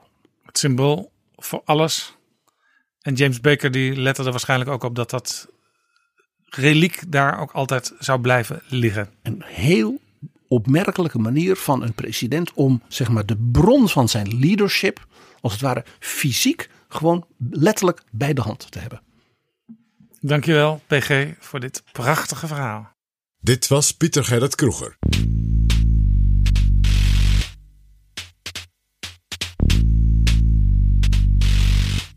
Dit is Jaap Jansen met Betrouwbare Bronnen. Ik ga praten met Sophie In het Veld, lijsttrekker van D66 bij de Europese parlementsverkiezingen van 23 mei 2019. Welkom in Betrouwbare Bronnen, Sophie In het Veld. Hallo. Leuk om eens met een echte eurofiel aan tafel te zitten. ja, dat ben ik. Dat klopt. Uh, en eigenlijk steeds meer. Steeds meer? Uh, nou ja, uh, allereerst ben ik natuurlijk gewoon, zeg maar, rationeel weet ik waarom een sterk Europa belangrijk is. En nou, kijk maar om je heen. Trump, internationale handel, veiligheid, Poetin, klimaat. Uh, dan is de noodzaak denk ik wel duidelijk. En dan een, een, een echt, hè, een, krachtig Europa. Uh, dat ons ook een beetje beschutting biedt tegen de stormen van de wereld. Maar uh, ja, eurofiel ook wel in de zin van, ik, het, het zit ook in het hart. Uh, het is ook wel een passie, omdat ik het zo'n bijzonder project vind, als je het dat uh, mag noemen. En als ik zie hoe bijzonder het eigenlijk is dat we toch altijd weer, uh, ook in hele moeilijke tijden, elkaar weten te vinden. En het als Europeanen samen ook doen. Hè? Als je terugkijkt op de afgelopen tien jaar. Uh, dat zijn hele roerige jaren geweest. vluchtelingencrisis, terreuraanslagen, financiële crisis die nou, als een soort tornado door de wereld is getrokken. Brexit. Uh, klimaatverschijnselen, uh, uh, echt, hè, Trump noem ik ook maar even in het rijtje. Um, en we staan er nog. Dat is eigenlijk, daar mogen we best wel trots op zijn en ook vertrouwen uithalen. Dat we eigenlijk best bestand zijn tegen, tegen een beetje storm. U bent een van de weinigen die ik laatst tijd gesproken heb, die niet terugdeinst bij dat woord eurofiel. Nee, waarom, waarom zou ik? ja, ik vind het, weet je, um, er is uh, nu al, laten we zeggen, 15 jaar of zo, uh, is er natuurlijk best wel een, een, uh, een, negatieve toon in het debat over Europa. Maar niet alleen maar. Mensen zijn ook heel kritisch. En dat is eigenlijk heel goed. Dat heeft ook te maken met het feit dat Europa is natuurlijk zeg, een halve eeuw lang een beetje het domein geweest van de ambtenaren van buitenlandse zaken, diplomaten. Uh, en nu wordt Europa politiek. Mensen beginnen zich Europa eigen te maken. En daar hebben ze ook ergens een mening over. Hartstikke goed, laat maar komen. Ja, u zit al 15 jaar in dat parlement. U wilt bijtekenen voor nog vijf jaar. Uh, voordat u in het parlement kwam, was u ook al medewerker, een jaar of tien. Dus u zit er al heel lang in die ja. Brusselse bubbel. Heeft u dan nog wel voldoende voeling met Nederland? Heerlijk, hè? De Brusselse bubbel. Dat is zo'n lekkere karikatuur. Uh, ik denk eigenlijk dat, uh, dat we daar. Uh, het wordt ook wel de Ivoren Toren genoemd. Nou, laten we het een uitkijktoren noemen. Ik denk dat juist door daar te zitten. dat je een veel breder beeld hebt op wat er gebeurt. Heb ik voeling met Nederland? Luister, mijn familie woont in Nederland. mijn vrienden zijn in Nederland. Ik ben hier. Ik, ik, ben op allerlei plekken in Nederland. Ik, ik volg het op de voet. Uh, we leven ook wel in het internettijdperk hoor. Het is niet zo dat je zoals vroeger vertrok en geen idee meer had wat er gebeurt. En ik, ik ben niet weg. Ik ben hier. Ik ben nu ook in Den Haag.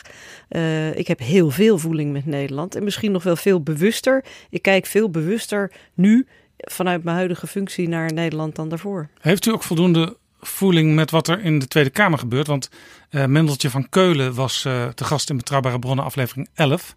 En zij zei, en dat geldt wat haar betreft eigenlijk voor alle partijen die zij heeft bekeken.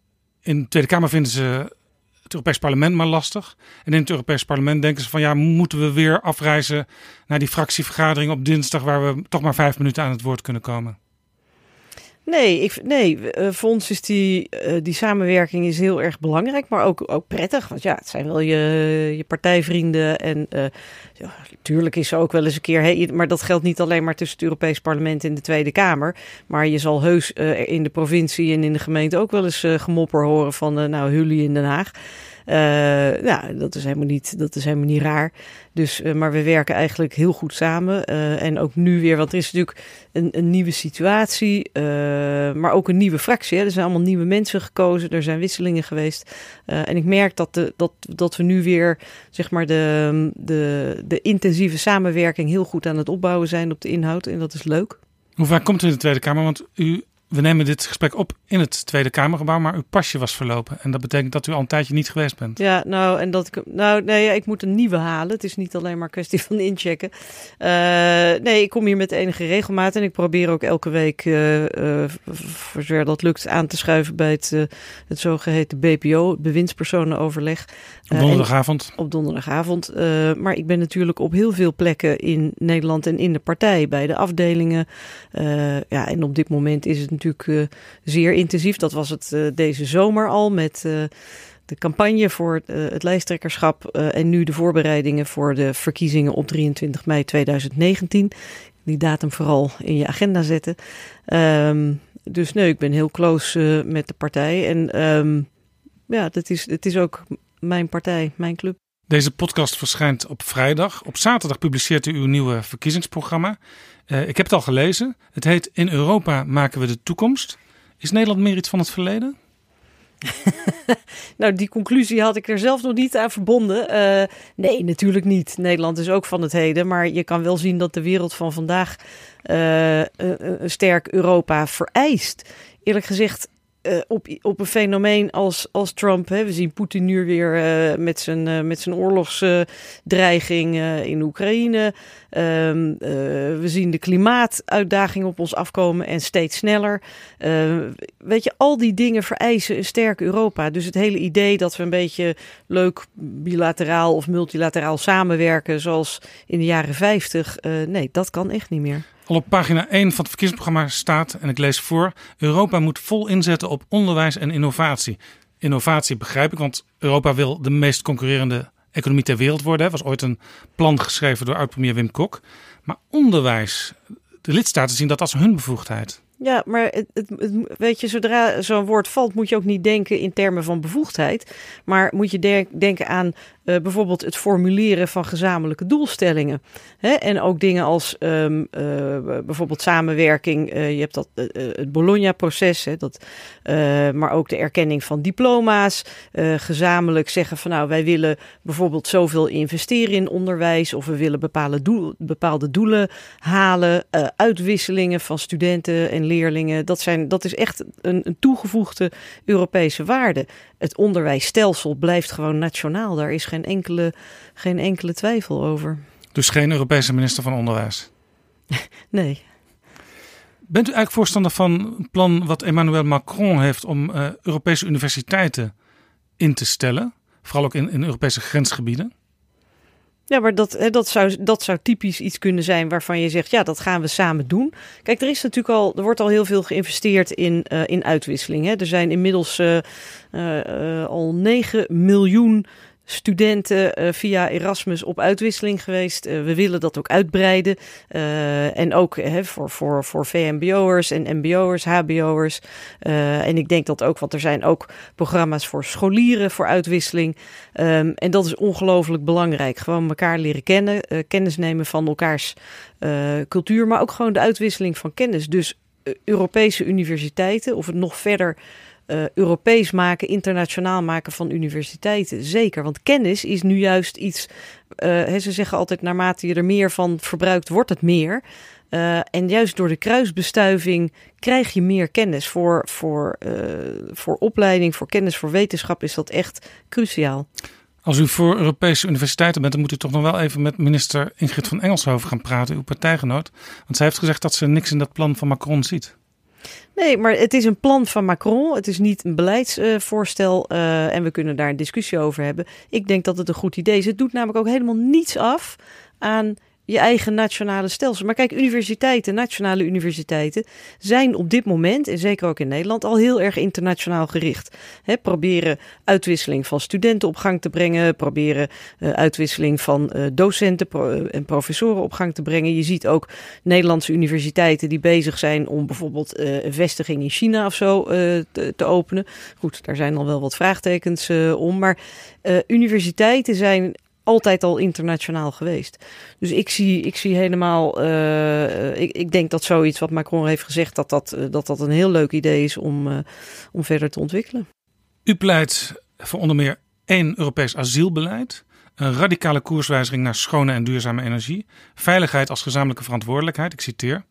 En dan zegt u, D66 is de enige partij die durft te zeggen dat deze hervormingen geld kosten.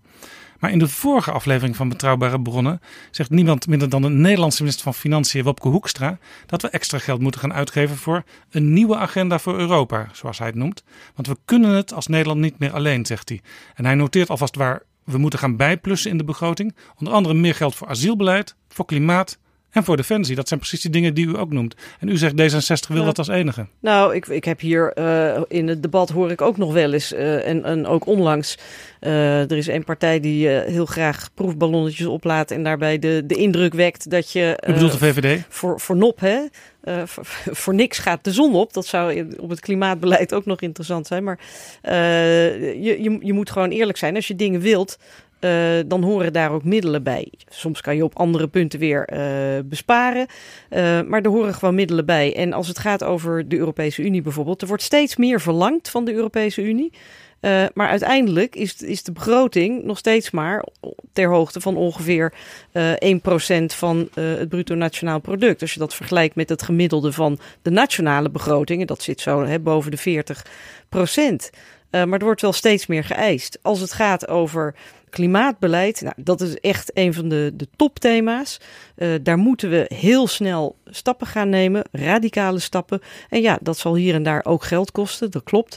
Um, en je moet ook zorgen dat, dat de mensen die, uh, dat dat ook evenredig wordt verdeeld, die belasting over mensen. En dat niet de mensen met de, de kleinste, uh, de smalste schouders, zeg maar, de zwaarste lasten moeten dragen. Ja, ik begrijp dat je als je een verkiezingsprogramma schrijft dat er dan een aantal dingen in staan waar de eigen partij ja, boven iedereen uitstijgt. Uh, maar er staan nog meer van die dingen in dat programma van D66. Uh, bijvoorbeeld, een beetje ronkend vind ik het.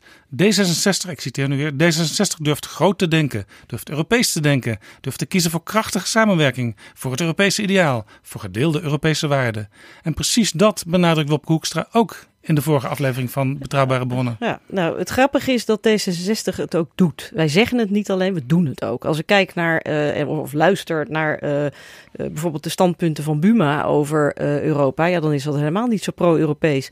Esther de Lange, mijn, mijn collega en lijsttrekker van het CDA, die, die is wat, wat gematigder, wat milder. Maar bijvoorbeeld vandaag hebben wij gestemd over, over nieuwe regels voor het Schengengebied. En dan zie je dat D66 heeft gezegd Nee, wij willen dat dat Schengengebied open blijft. En dat lidstaten niet uh, bij, bij heel frivol, licht, lichtvoetig of lichtvaardig uh, die grenscontroles weer in mogen stellen. Ja, daar heeft het CDA wel voor gesteld, gestemd. Dus die wel, willen wel aan Schengen tornen. Dus ze zeggen één ding, maar ze doen wat anders. Uh, D66 is al consistent, al decennia lang uitgesproken pro-Europees. En wij voegen ook de daad bij het woord. Een heel belangrijk punt in uw programma is een Europese krijgsmacht. Wat is dat precies? Nou, dat is, wij hebben dat uh, opgenomen als echt als einddoel. Um, er is op dit moment al afgesproken in Europa om veel meer samen te gaan werken uh, op militair gebied. Uh, ik denk dat dat. Hè, er zijn een aantal externe factoren die maken dat dat heel dringend wordt. Allereerst een, een, een Trump die rammelt aan de fundamenten van de, van, van de NAVO en de samenwerking. En die, uh, die zegt van ja, Europeanen moeten zo langzamerhand eens een keer hun, hun volwaardige bijdrage gaan betalen. Dat vindt u ehm, ook? Eh, ja, nou, ik denk dat dat, dat dat ook geaccepteerd wordt in Europa. Overigens was er wel altijd een soort understanding dat, uh, dat er een heel zwaar Amerikaans overwicht zou zijn. Uh, ja, dat is decennia lang zo geweest. Nou, dat gaat nu veranderen. Ik vind het heel goed uh, als Europa ook volwassen wordt en zegt: ja, wij moeten ook onze eigen broek ophouden. En we kunnen, hè, want dat is het tweede punt. Uh, je ziet gewoon dat Poetin aan de grenzen van Europa ja, voortdurend uh, met, met zijn, zijn wapens klettert. er zijn ook bijvoorbeeld de Baltische staten die daar vlak naast liggen, die daar echt heel nerveus van worden. want die kunnen zich echt nog levendig herinneren hoe het was onder de Sovjet-Unie. dus er is ook echt een hele goede reden om te zorgen dat we militair veel krachtiger worden. Um, we hebben op dit moment feitelijk 28 zeg maar militaire uh, eenheden. Er is heel veel overlap, heel veel verspilling. Dus er wordt nu al ingezet op dingen als uh, samen inkopen, uh, samen oefenen. afspraken maken over wie zich waarin specialiseert. En ik denk dat het heel verstandig is dat Europa dat doet als pijler binnen de NAVO. Dus niet tegenover de NAVO, binnen de NAVO. Maar wel ja, ook militair uiteindelijk onze eigen broek kunnen ophouden. Ja, de meeste dingen die u nu noemt als, als, als voorbeeld van wat er moet gebeuren, uh, die lees ik ook in het uh, nieuwe uh, Europees programma van de VVD, ook in het nieuwe Europees programma van het CDA. Maar dat eindbeeld van dat leger, dat is wel iets wat niet in die programma's staat. Zo'n leger, moet men daar ook een Europese minister van Defensie bij voorstellen, een Europees parlement dat uiteindelijk de besluiten controleert? Uiteindelijk wel, maar dan hebben we het echt over de, de stip op de horizon. Dat gaat natuurlijk vandaag niet gebeuren. Het gebeurt ook niet vanzelf. Dat gebeurt alleen maar als we daar met z'n allen mee instemmen. Uh, maar ik denk dat het wel heel goed is om die discussie te hebben. En om ons ook te realiseren dat wij niet uh, tot in de eeuwigheid onze veiligheid afhankelijk kunnen maken van, uh, van de Amerikanen of uh, van onze Russische buren of anderen. Daar moeten we echt zelf voor zorgen en dat kunnen we ook. Ik denk dat we ook echt wel uh, niet alleen op dit gebied, maar op heel veel gebieden veel meer vertrouwen kunnen hebben in ons eigen vermogen als Europeanen om, om de dingen goed aan te pakken. Op dit moment hebben we natuurlijk de militaire samenwerking in de NAVO. Maar een NAVO-leger bestaat in feite ook niet, want het zijn nog steeds altijd de nationale lidstaten die uiteindelijk over de inzet van militairen besluiten. Gaat dat dan uiteindelijk ook veranderen via Europa? Nou, ik zei net al, dit is een, dit is een, een, een, een toekomstvisie. Hè? Van waar gaat het heen? Als je geen richting hebt, als je niet weet waar je heen gaat, dan weet je ook niet wat nee, daarom, je volgende stap moet zijn. Het, waar gaat u heen? Uh, en dat zal, dat zal uh, uh, dit is wel waar het uiteindelijk heen zou moeten gaan wat ons betreft. Maar dat zijn dingen die stapsgewijs gaan. Maar je moet, wel, je moet het wel bespreekbaar maken. want ik denk het, het, het, gaat er niet om dat je, dat je ineens van vandaag op morgen een Europees leger wilt opzetten. Uh, ik denk dat dat, uh, dat dat echt hele verre toekomstmuziek is. Maar je moet wel, je wel heel goed realiseren dat het iets verder moet gaan dan uh, zeggen van nou ja, een beetje losvaste bilaterale samenwerking. Nee, je ja. moet je realiseren dat je zelf verantwoordelijk wordt voor je eigen defensie als Europa. Ik vraag het, want het lastige is dat collega-partijen van nu, zoals de VVD, zoals het CDA eigenlijk met uitzondering alleen van GroenLinks, uh, die gaan een beetje bibberen als ze het woord Europees leger horen. Terwijl ze wel uh, met kleine stapjes eigenlijk dezelfde richting nu uitgaan als u wil. Uh, dus misschien maakt u het nou, minder vruchtbaar het proces als u meteen al met dat leger komt nou, uitzetten. Uh, allereerst uh, bibberen CDA en VVD eigenlijk bij elke zin waar het woord Europees in zit. En niet alleen maar leger. Um, en ten tweede denk ik dat het juist heel transparant en democratisch is om te zeggen waar je heen wil. In plaats van als een soort salami-tactiek ergens heen te gaan. en, en te hopen dat je, dat je eigen kiezers niet, niet ontdekken wat de bedoeling is. Nee, zeg dan waar je heen wilt gaan kom je daar dan uiteindelijk ook uit? Nou, dat hangt er vanaf of er een meerderheid voor is en wat de omstandigheden zijn. Maar zeg wat je visie is, uh, waar je heen wilt. En dat doen, uh, en, en, dat is een beetje ook. D66 is heel uitgesproken pro-Europees. Uh, bij de VVD en CDA, die, die slaan eigenlijk, hè, zoals Wouter Koolmees ooit zei, die praten PVV, maar doen D66. wees dan gewoon ook eerlijk tegen je mensen. De Franse president Emmanuel Macron die wil ook een Europees leger. Uh, hij heeft natuurlijk een atoombom. Moet die atoombom uiteindelijk een Europese atoombom worden? Luister, ik denk niet dat dit een discussie is uh, uh, die we nu in zoveel detail gaan hebben. Maar anders, dat wordt, soort anders wordt het misschien gewoon een nee, Frans leger soort, waar we in dat gaan soort. Dis, dat soort discussies, nee, het wordt niet een Frans leger. Nee, dan wordt het een Europees leger. En dan moet je inderdaad dat soort ethische vragen uh, beantwoorden. En dat is ook precies Um, uh, waarom het zo belangrijk is om te benoemen dat de Europese Unie een politieke unie is. Het is niet een technocratische samenwerking. Als je het hebt over een leger, en nogmaals, dat is verre toekomstmuziek, uh, dan moet je een heleboel ethische vragen beantwoorden. Dat moet je hier in Nederland ook. Uh, en het is heel belangrijk om daarom met z'n allen als Europeanen die waardegemeenschap op te bouwen, maar ook de rechtsgemeenschap. Hè. Wij hameren ontzettend op het belang van de rechtsstaat. Uh, dat die ook in alle lidstaten uh, gerespecteerd moet worden. Uh, want je moet elkaar kunnen vertrouwen. Je moet dezelfde waarden hebben. Niet alleen maar dezelfde belangen, maar ook dezelfde waarden. Anders kan je nooit antwoord geven op dit soort vragen. Ja, over die grondrechten gesproken. U wil ook, zegt u in uw programma, een jaarlijkse grondrechtentoets. Zodat landen dus getoetst worden, voeren ze dat wel uit? Zijn ze wel Ja. een echte rechtsstaat? Nou zitten we op dit moment natuurlijk met landen als Hongarije en Polen, waar je daar grote vraagtekens bij kunt zetten. Nou, allereerst gaat het niet om landen, maar om regeringen. Dat vind ik wel een belangrijk onderscheid, want er zijn heel veel Polen en Hongaren die eh, heftig protesteren tegen wat hun regeringen doen. Maar het is waar dat de regeringen van Hongarije en Polen eh, inderdaad de gemeenschappelijke rechtsstaatsregels en grondrechten aan hun laars lappen. Eh, maar wat je ook ziet is dat, kijk, het is een beetje een nieuw fenomeen. Hè? Europa eh, heeft er een tijdje naar zitten kijken van ja, hoe moeten we hier nu mee omgaan? Hè? Want eh, juist partijen als VVD en CDA, die heb je in andere landen ook, die zeggen nee, dus allemaal nationaal moet Europa zich niet mee bemoeien. Ehm, nou ja, wel, want Europa is één rechtsgebied. We hangen allemaal van elkaar eh, af als het gaat over bijvoorbeeld veiligheid, hè, politie-samenwerking, justitie-samenwerking. Nou, dan moet je ervan op aankunnen dat die justitie eh, fatsoenlijk werkt. Eh, dus het, het is echt heel belangrijk dat dat in alle lidstaten wordt gerespecteerd. Dus je ziet dat er vanuit de Europese Unie, met name het Europees Parlement, steeds meer druk wordt uitgeoefend op die landen. En dat helpt ook wel langzaam en, en, en druppelsgewijs, zeg maar. Maar je ziet dat er een andere eh, wind begint te waaien. Je ziet dat, dat Polen, de, de Poolse regering, net heeft ingebonden. Hè. Die heeft hun zogenaamde hervormingen van de rechterlijke macht, hebben ze weer wat afgezwakt. Dat doen ze weliswaar tandenknarsend. Maar je ziet dat het helpt. Eh, en ook de mensen in die landen die dus protesteren tegen de afbraak van de rechtsstaat, tegen de corruptie, eh, voor de grondrechten, die voelen zich ook gesterkt door de Europese Unie. Maar met uw pleidooi voor een jaarlijkse toets zegt u eigenlijk het, het moet nog wat steviger dan het nu gebeurt. Nou, het moet vooral systematischer, eh, omdat het nu is het heel erg, we reageren op dingen die niet goed gaan. Hongarije, Polen. We hebben bijvoorbeeld ook eh, Slowakije en Malta in het vizier, omdat in beide landen eh, onderzoeksjournalisten zijn vermoord die onderzoek deden naar corruptie en banden tussen de regering en eh, georganiseerde misdaad.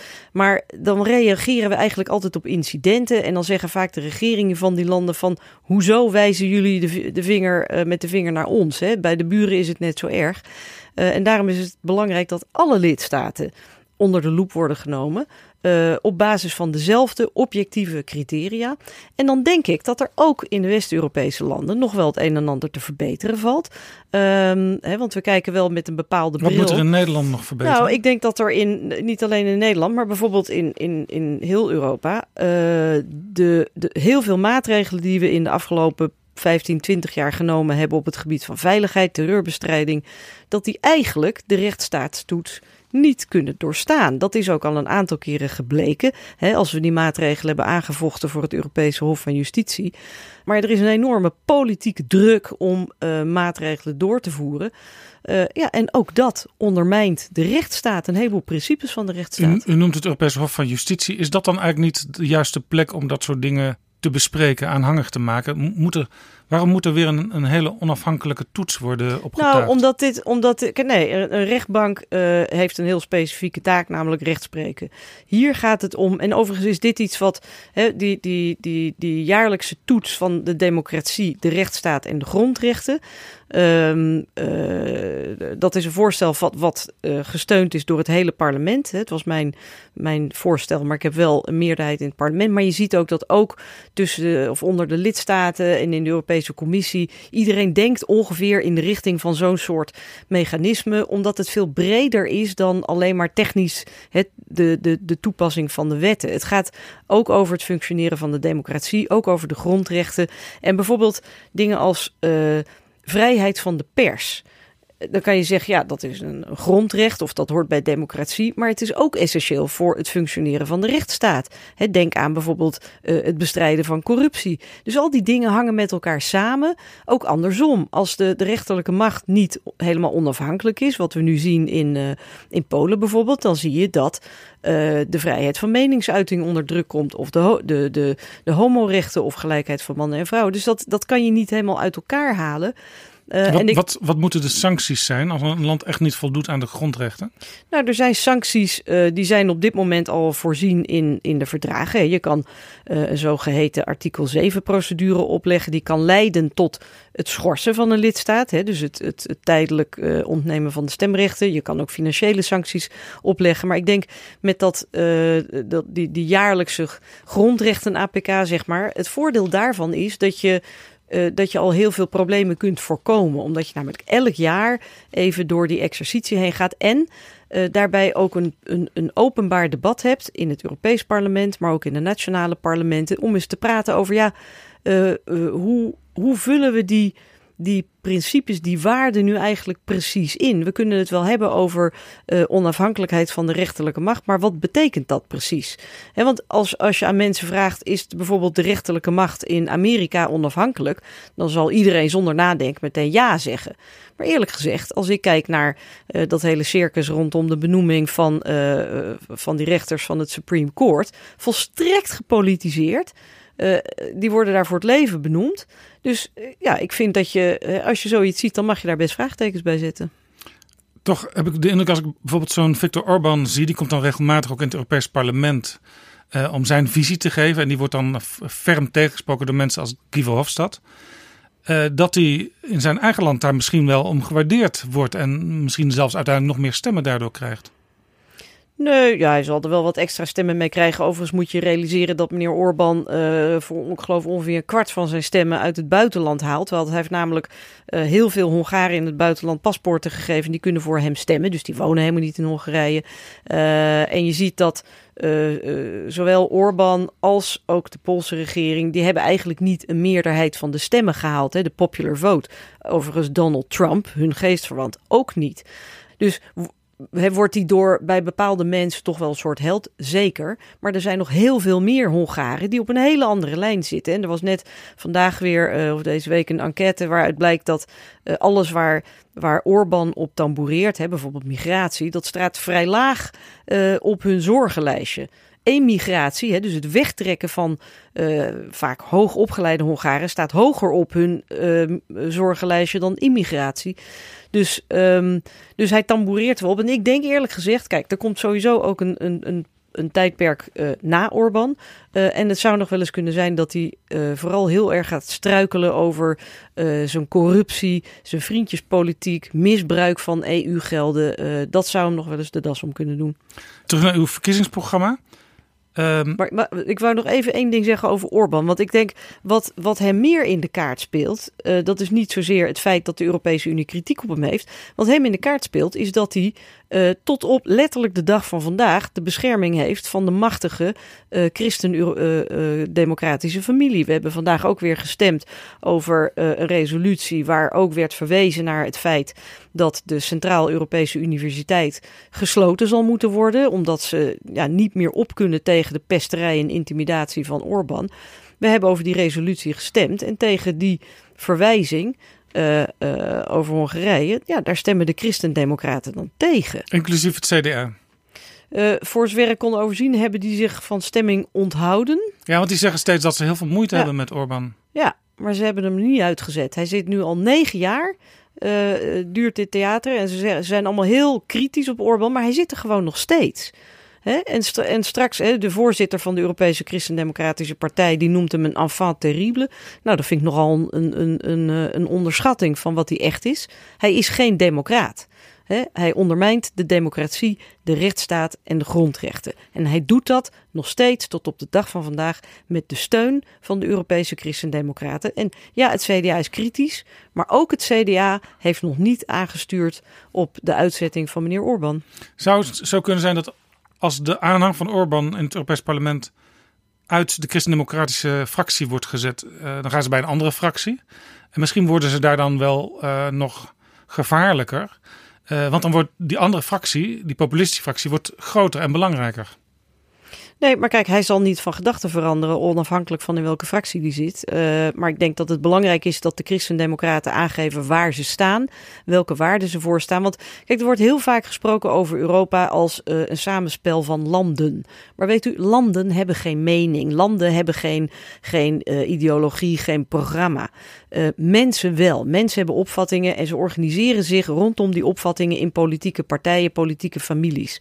en ik denk dat het bij de komende Europese uh, verkiezingen ontzettend belangrijk is dat we aangeven voor wat voor soort Europa we staan. En je ziet, hè, straks krijg je, uh, je, je je kiesbiljet en feitelijk zijn er dan twee keuzes. Je kan zeggen we kiezen voor het Europa volgens Orbán, Trump, uh, Farage, Wilders, Le Pen, de Alternatieven voor Duitsland. Dat is een, een autoritair, uh, eigenlijk ondemocratisch, een anti-parlementair, reactionair Europa waar gelijkheid van mannen en vrouwen niet gelden, homorechten niet gelden, de pers lastig wordt gevallen en wordt ingeperkt, NGO's de mond worden gesnoerd. Of je zegt je kiest voor een krachtig Europa dat staat voor de waarde gelijkheid van mannen en vrouwen, vrijheid van godsdienst, een parlementaire democratie, pluralisme.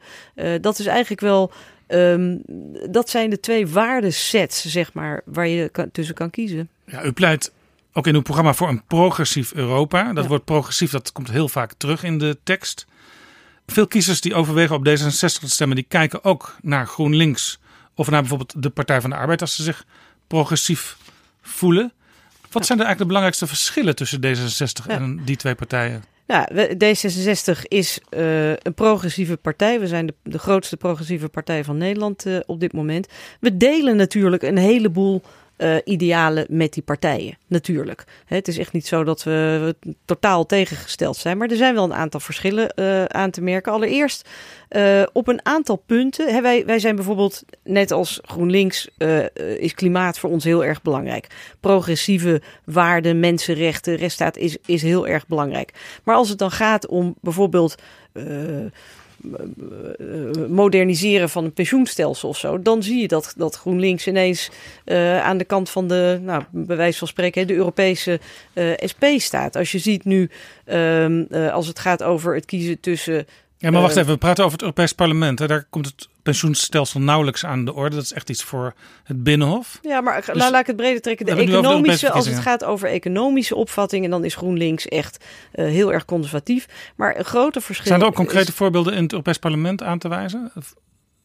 over sociaal-economische verschillen tussen uw partij D66 nou, en wij, GroenLinks? Wij, wij, wij zijn bijvoorbeeld als het gaat over zaken als uh, uh, structurele hervorming. Dus moderniseren van hoe je hoe je, je economie en je, je, je sociale stelsels hebt ingericht. Ja, dan zit GroenLinks echt heel erg aan de kant van de behoudzucht. Uh, en dus feitelijk het, het, het, het, het niet willen hervormen ten gunste van de jongeren. Ik bedoel, je moet ook naar de toekomst kijken en zorgen dat je je stelsels houdbaar houdt voor de, voor de toekomst. Maar er is nog een, een, een ander. Dus GroenLinks en een, en een is de vijand van jongeren. Um, uh, nou ja, goed, u, u, u, stelt het heel scherp. Um, maar ik denk dat bij D66 de, de belangen van, van de toekomst van de jongeren beter veilig gesteld zijn. Maar er is nog iets anders. Kijk, je kan hele goede ideeën hebben en een heleboel dingen hebben wij wel uh, gemeenschappelijk. Hè. Ik heb al genoemd uh, klimaat, uh, een, aantal waarden. Um, maar je moet, je moet dat ook werkelijkheid kunnen maken. En om dat te doen, om dingen te kunnen realiseren, moet je ook samen willen werken en moet je ook bereid zijn om compromissen te sluiten. En daar zit duidelijk een heel groot verschil. GroenLinks heeft ook net uh, op het, uh, het Europese Groene Congres afgelopen weekend gezegd: oké, okay, met rechts werken ze natuurlijk sowieso niet samen, met de Christen-Democraten en de Conservatieven niet, uh, met de Europese liberale fractie waar D66 bij zit, willen ze ook niet samenwerken, met Macron willen ze ook niet samenwerken, maar de linkse samenwerking is niet tot stand gekomen. Dus dan vraag je je eigenlijk af, met wie gaan ze dan die dingen realiseren? Als je met niemand compromissen wil sluiten, dan heb je hele goede ideeën, maar dan blijft het getuigenispolitiek. Ik wil graag als D66er dingen voor elkaar krijgen. Dat betekent dat je af en toe compromissen moet sluiten. In een gepolariseerd landschap worden die compromissen moeilijk, vaak pijnlijk. Maar je krijgt wel dingen voor elkaar. Uh, en dat vind ik dan eigenlijk belangrijker. Ja, toch denkt GroenLinks, uh, net als uw uh, ALDE-fractie, dat ze GroenLinks straks misschien wel nodig zijn om meerderheden te vormen. En dan moet je toch vanzelf samenwerken.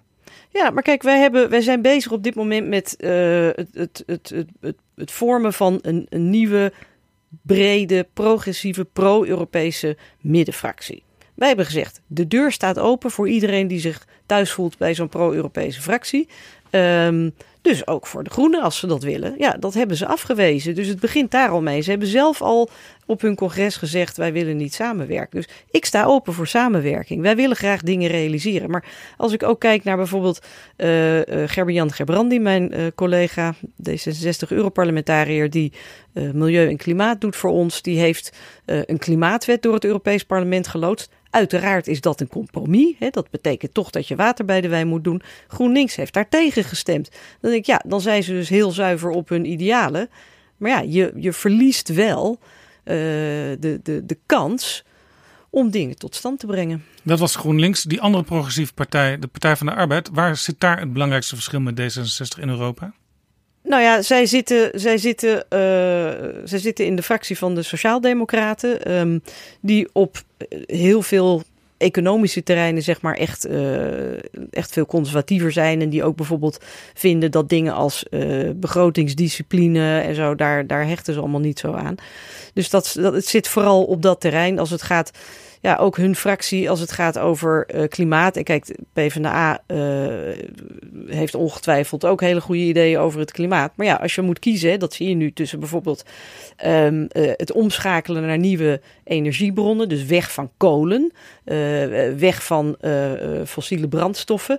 Ja, dan, dan betekent dat dus ook, hè, de kolen bijvoorbeeld, geen subsidies meer voor uh, de mijnen in Noord-Rijn-Westfalen. En ja, je ziet dat het heel lastig is voor Sociaaldemocraten om dat los te laten. Uh, want dan moeten ze kiezen tussen groene en, en, en rode idealen, zeg maar. En dat is toch heel lastig. Toch zie ik in het Nederlandse Partij van de Arbeid-programma voor de Europese verkiezingen niks over de kolen in Noord-Rijn-Westfalen staan.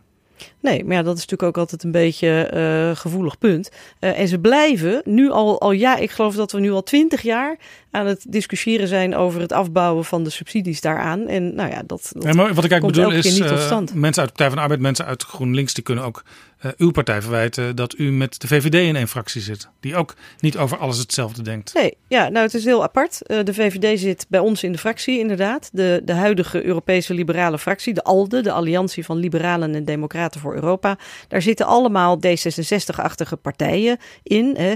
D66, maar ook het Deense radicale Venstre, de Britse Liberal Democrats, in ieder geval voorlopig nog. Nou, allerlei andere progressieve ja, maar het zijn niet allemaal partijen. Hè? Ook Ze daar zijn, zijn niet allemaal progressief, maar de, de grote, uh, de, zeg maar de overgrote meerderheid is dat wel. De VVD zit daar duidelijk aan de rechter buitenkant. Um, aan de andere kant, kijk, als je, als je, je kan in een hele, je kan in een kleine fractie gaan zitten, zoals GroenLinks. Dat is, dat is een keuze, dat is heel zuiver. Um, maar ze zitten, het is wel heel beperkt. Het zijn ook vooral Noordwest-Europeanen. Um, wij zijn bereid om breder samen te werken. Uh, we gaan nu ook samenwerken met En Marche van uh, Macron. Uh, we zijn ook in gesprek met bijvoorbeeld bewegingen als Volt, Pulse for Europe, van die, de pro-Europese progressieve jongerenbeweging. Ja, Volt is, een, is ook een jongerenclub die, ja. non, die niet bij een partij hoort, maar dat, zijn, dat is een nieuw initiatief. Ja, dat is een pan-Europese uh, pro-Europese jongerenpartij. Nou, die zitten natuurlijk heel erg dicht bij ons. Uh, daar zijn we ook mee in gesprek. Dus we willen al. Kijk, het punt is dat je. Uh, en dat, dat vind ik een beetje jammer aan de houding van, van GroenLinks. Je ziet dat de, de anti-Europese, nationalistische, reactionaire, extremistische krachten. die zijn er vrij goed in om over hun onderlinge verschilletjes heen te springen en samen te werken. Dan denk ik, dan moet je toch als pro-Europese, progressieve krachten. en noem ze liberaal met een kleine L. Moet je ook samen kunnen werken. En dan moet je niet alleen maar focussen op de verschillen die er zijn, maar juist ook wat ons bindt. En maar denk... dus eigenlijk tegen Bas Eickhout: uh, Bas, jij bent liberaal met een kleine L, kom bij ons, kom in de ALDE-fractie. Ik denk, wij hebben gezegd, de deur staat open voor partijen die zich bij, uh, bij zo'n, hè, want het is een, een, een, partij of een fractie in het midden van het politieke spectrum. Uh, ik denk dat ze daar best goed bij zouden passen. Maar ja, dan moeten ze af en toe wel wat water bij de wijn doen. Maar het voordeel is dan wel dat je gewoon met zo'n zo'n grote fractie gewoon veel meer invloed hebt op de standpunten van het parlement. Uh, en dat je toch in een kleine fractie heb je zuiverder standpunten, maar ja, wel minder invloed. Als verschil met de Partij van de Arbeid noemde u de Europese begrotingsregels. Uh, dat klopt, want Paul Tang had ik afgelopen week in uh, Betrouwbare Bronnen. En hij heeft eigenlijk best wel veel begrip voor de opstand die de Italiaanse regering nu pleegt hè, tegen Brussel over die begrotingsregels. Maar u zegt wel, D66 zegt wel in het programma, wij willen een anticyclisch begrotingsbeleid. Hè. Dus als het uh, goed gaat, dan moet je kijken waar je kunt bezuinigen. Als het slecht gaat, dan kun je investeren en dan kun je dus tekort wat op laten lopen. Maar het punt is, als je dat anticyclische beleid wil voeren, dan moet je soms ook dat begrotingsbeleid iets minder streng toepassen. Nou, maar in het, kijk, het interessante is in het, in het geval van Italië, allereerst uh, als het gaat over de, uh, het begrotingstekort, dan zitten ze nog onder de, onder de grens. Hè? Dus dat is het probleem niet. Als het gaat over schulden, dan zitten ze er ver boven. Ja, ja begroting is, is het op 2,4 of zo en nou ja, dat, dat, daar, zouden ze, daar zouden ze dan op uitkomen. Dus, dus dat, dat zou op zich nog kunnen. Dus daar zit het probleem niet zozeer. Het gaat niet alleen maar om bezuinigen. Het gaat erom dat ze moeten hervormen. En dat moeten ze al heel lang. En dat doen ze al heel lang niet. Uh, uh, en ik ben uh, je, moet, je moet regeringen niet, niet afknijpen op een moment dat het eigenlijk niet kan. Alleen er is echt nog heel veel winst te behalen door hervormingen, uh, door bijvoorbeeld de corruptie tegen te gaan, door de inefficiency tegen te gaan. Als je bijvoorbeeld kijkt naar de de kosten van, noem eens wat, uh, financiële diensten, betaaldiensten, die liggen geloof ik iets van 100 keer hoger dan, dan in Nederland. Dat is puur een kwestie van efficiëntie. Daar is echt gewoon nog heel veel te behalen. Als je kijkt wat, uh, met name ook in het zuiden van Italië, maar niet alleen, uh, de georganiseerde misdaad. Hoeveel geld daar verdwijnt eigenlijk. Uh, wat, wat als, als ze daar beter tegen zouden strijden. Uh, geld wat ze in de begroting zouden kunnen stoppen. Dus het is niet een kwestie van een land afknijpen op een moment dat ze dreigen kopje onder te gaan. Uh, ik vind dat je hier best wel wat druk op mag zeggen. En bovendien uh, heeft de Europese Commissie ook niet gezegd van jullie moeten nu helemaal naar de nullijn. De Europese Commissie heeft gezegd jullie, jullie schattingen uh, zijn, hè, jullie, jullie uh, projecties voor de komende jaren zijn gewoon niet realistisch. Jullie moeten meer hervormen en zorgen dat je je inschatting van uh, hoe je economie gaat ontwikkelen, dat die realistischer wordt. Nou, ik vind het helemaal niet verkeerd om dat van, van een land te verwachten. En kijk, dat is niet alleen maar een, een partijpolitiek standpunt, want er zijn bijvoorbeeld ook landen in, in Midden- en Oost-Europa. Bijvoorbeeld de Baltische Staten, die hebben in de financiële crisis hebben ze ongelooflijk hard gesaneerd, de broekriem aangehaald uh, en hervormd. Die zijn nu gezond. En die zeggen ook, ja, maar wacht eens even. Waarom moeten wij eigenlijk bijdragen aan landen die weigeren om te hervormen? Dat is niet eerlijk. Dus het is ook een kwestie van, uh, van rechtvaardigheid tussen landen.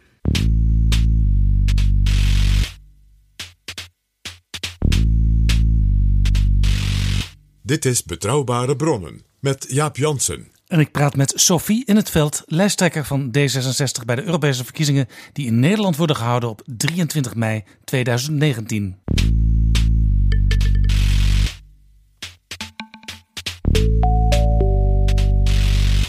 De naam Macron viel al een paar keer. U vormt nu als ALDE een alliantie met, met zijn partij straks in het Europees Parlement. Uh, GroenLinks is welkom, zegt u. Anderen zijn welkom. In uw programma lees ik dat D66 een gekozen voorzitter wil van de Europese Commissie via het Europees Parlement. Nou is dat vorige keer ongeveer zo gegaan. En toen werd Jean-Claude Juncker van de Christen-Democraten uiteindelijk de voorzitter van de Europese Commissie. Uh, wie is dan nu in 2019 uw spitsenkandidaat? Uh, de ALDE heeft, uh, dus onze partijfamilie, uh, heeft gezegd dat wij geen niet één spitsenkandidaat aanwijzen. Uh, ik zeg er meteen bij dat D66 daar wel voor was. Maar goed, de meerderheid heeft dat afgestemd en heeft gezegd: nee, wij gaan uh, een, een, team voorstellen. Dus een aantal namen. En daar kunnen mensen in zitten als bijvoorbeeld uh, Margrethe Vestager. een, een, een, hele goede liberale eurocommissaris uit Denemarken. Ja, wordt haar, haar regering, geloof ik, niet gesteund, hè?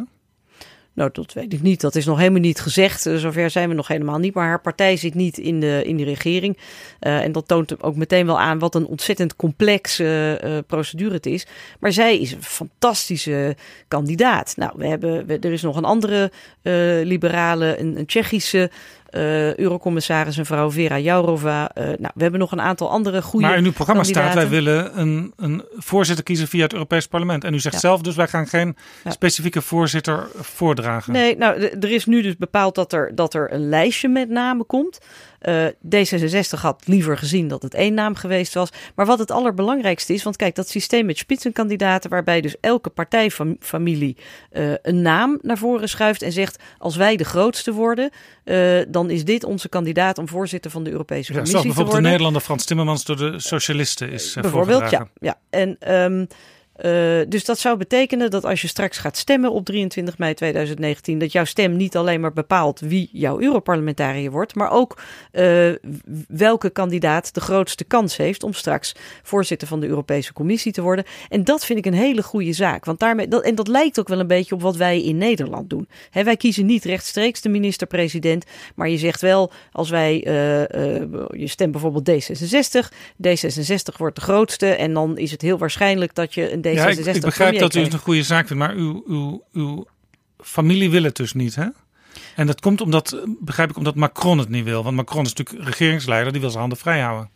Ja, nou, er zijn verschillende opvattingen over. En uh, you win some, you lose some. Uh, hier hebben we ons niet uh, ogenblikkelijk kunnen, kunnen doorzetten. Maar wat wel heel belangrijk is, is dat je aan gaat geven hoe je als partijfamilie straks uh, mee wil doen zeg maar, aan, het, aan het kiezen van de leiders. Want op dit moment hebben we een, een systeem in Europa, en dat, daar houden de regeringsleiders ook graag aan vast. Dat lijkt eigenlijk wel op uh, hoe de paus wordt gekozen uh, in het Vaticaan. Namelijk, die regeringsleiders trekken zich terug achter gesloten deuren. Dan gaan ze kwartetten met alle namen die er zijn, baantjes verdelen. En dan komt er witte rook. En dan komen ze naar buiten op het balkon. En dan zeggen ze: Kijk, zie hier, Europees volk, hier zijn uw politieke leiders. Nou, dat is bizar. Daar moeten we van af.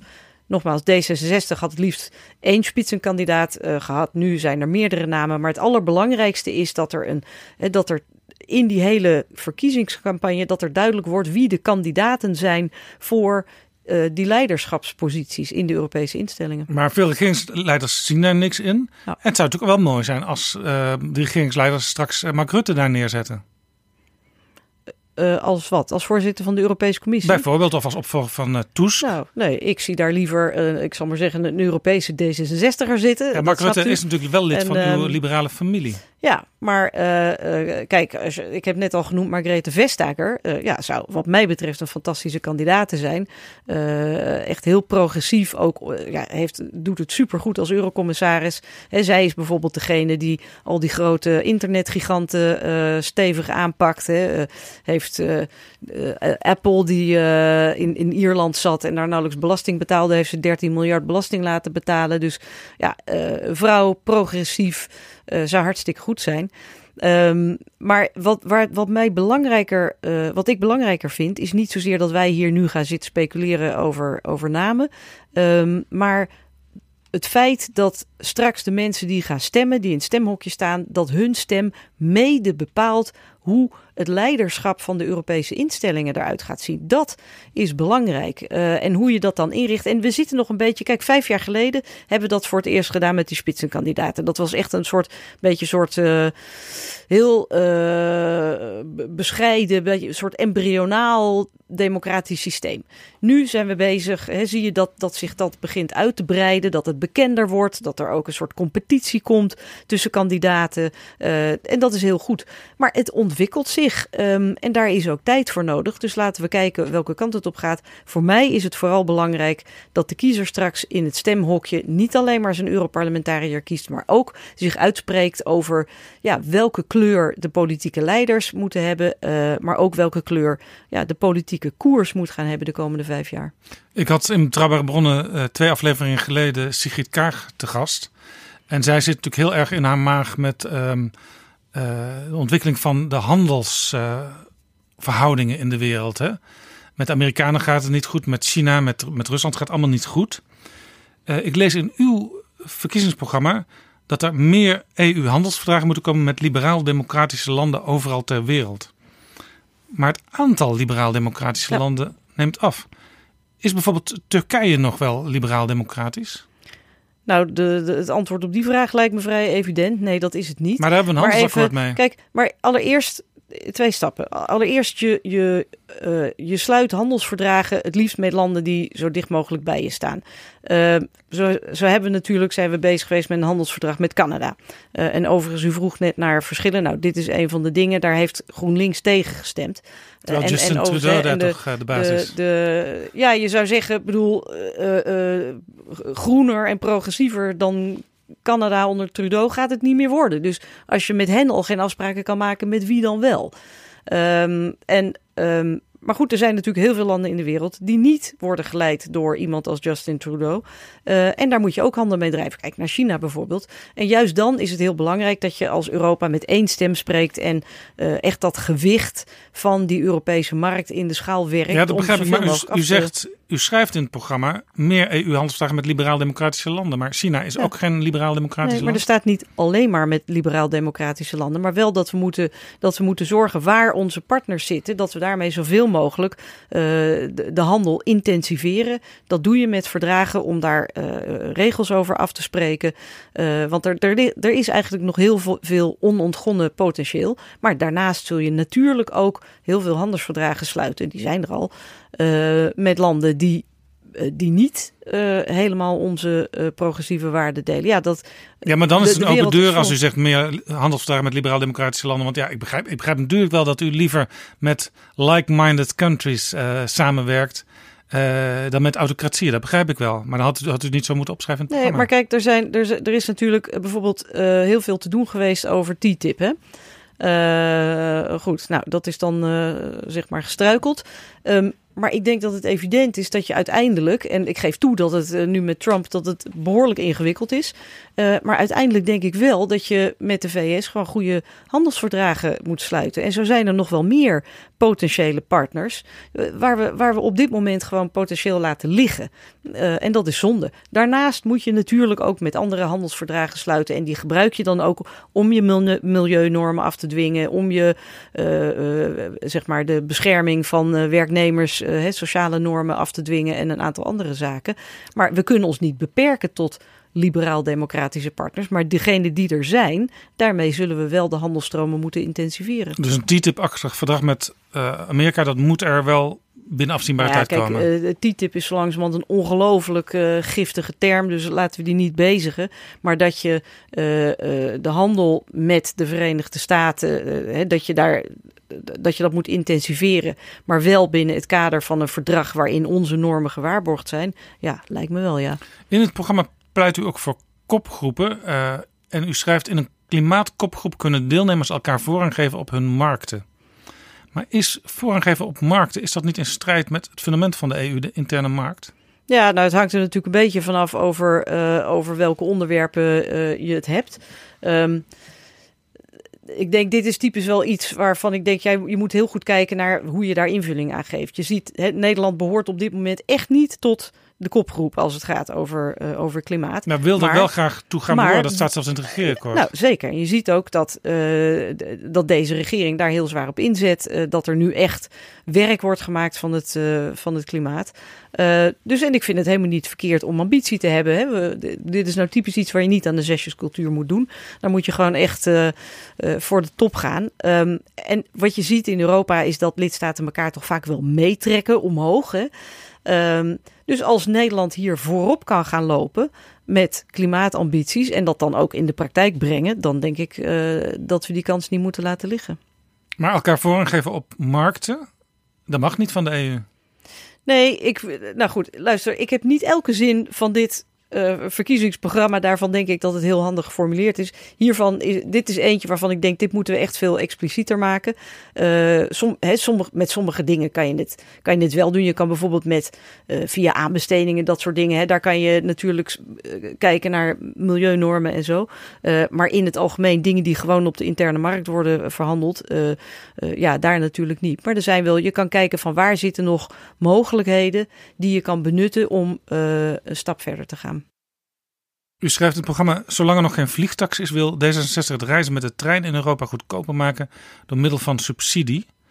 Begrijp ik het goed dat u dus nu subsidie gaat geven, maar zodra er een vliegtax is, dan vervalt die subsidie Nee, weer en dan wordt het reizen met de trein weer Kijk, flink duurder. Ik denk dat transport, daarvoor geldt hetzelfde natuurlijk als voor, voor energie. Het is eigenlijk heel raar dat we eh, eh, de, de, de energiebron of de, het transportmiddel dat we eigenlijk zouden willen stimuleren, dat we dat eigenlijk financieel op achterstand zetten.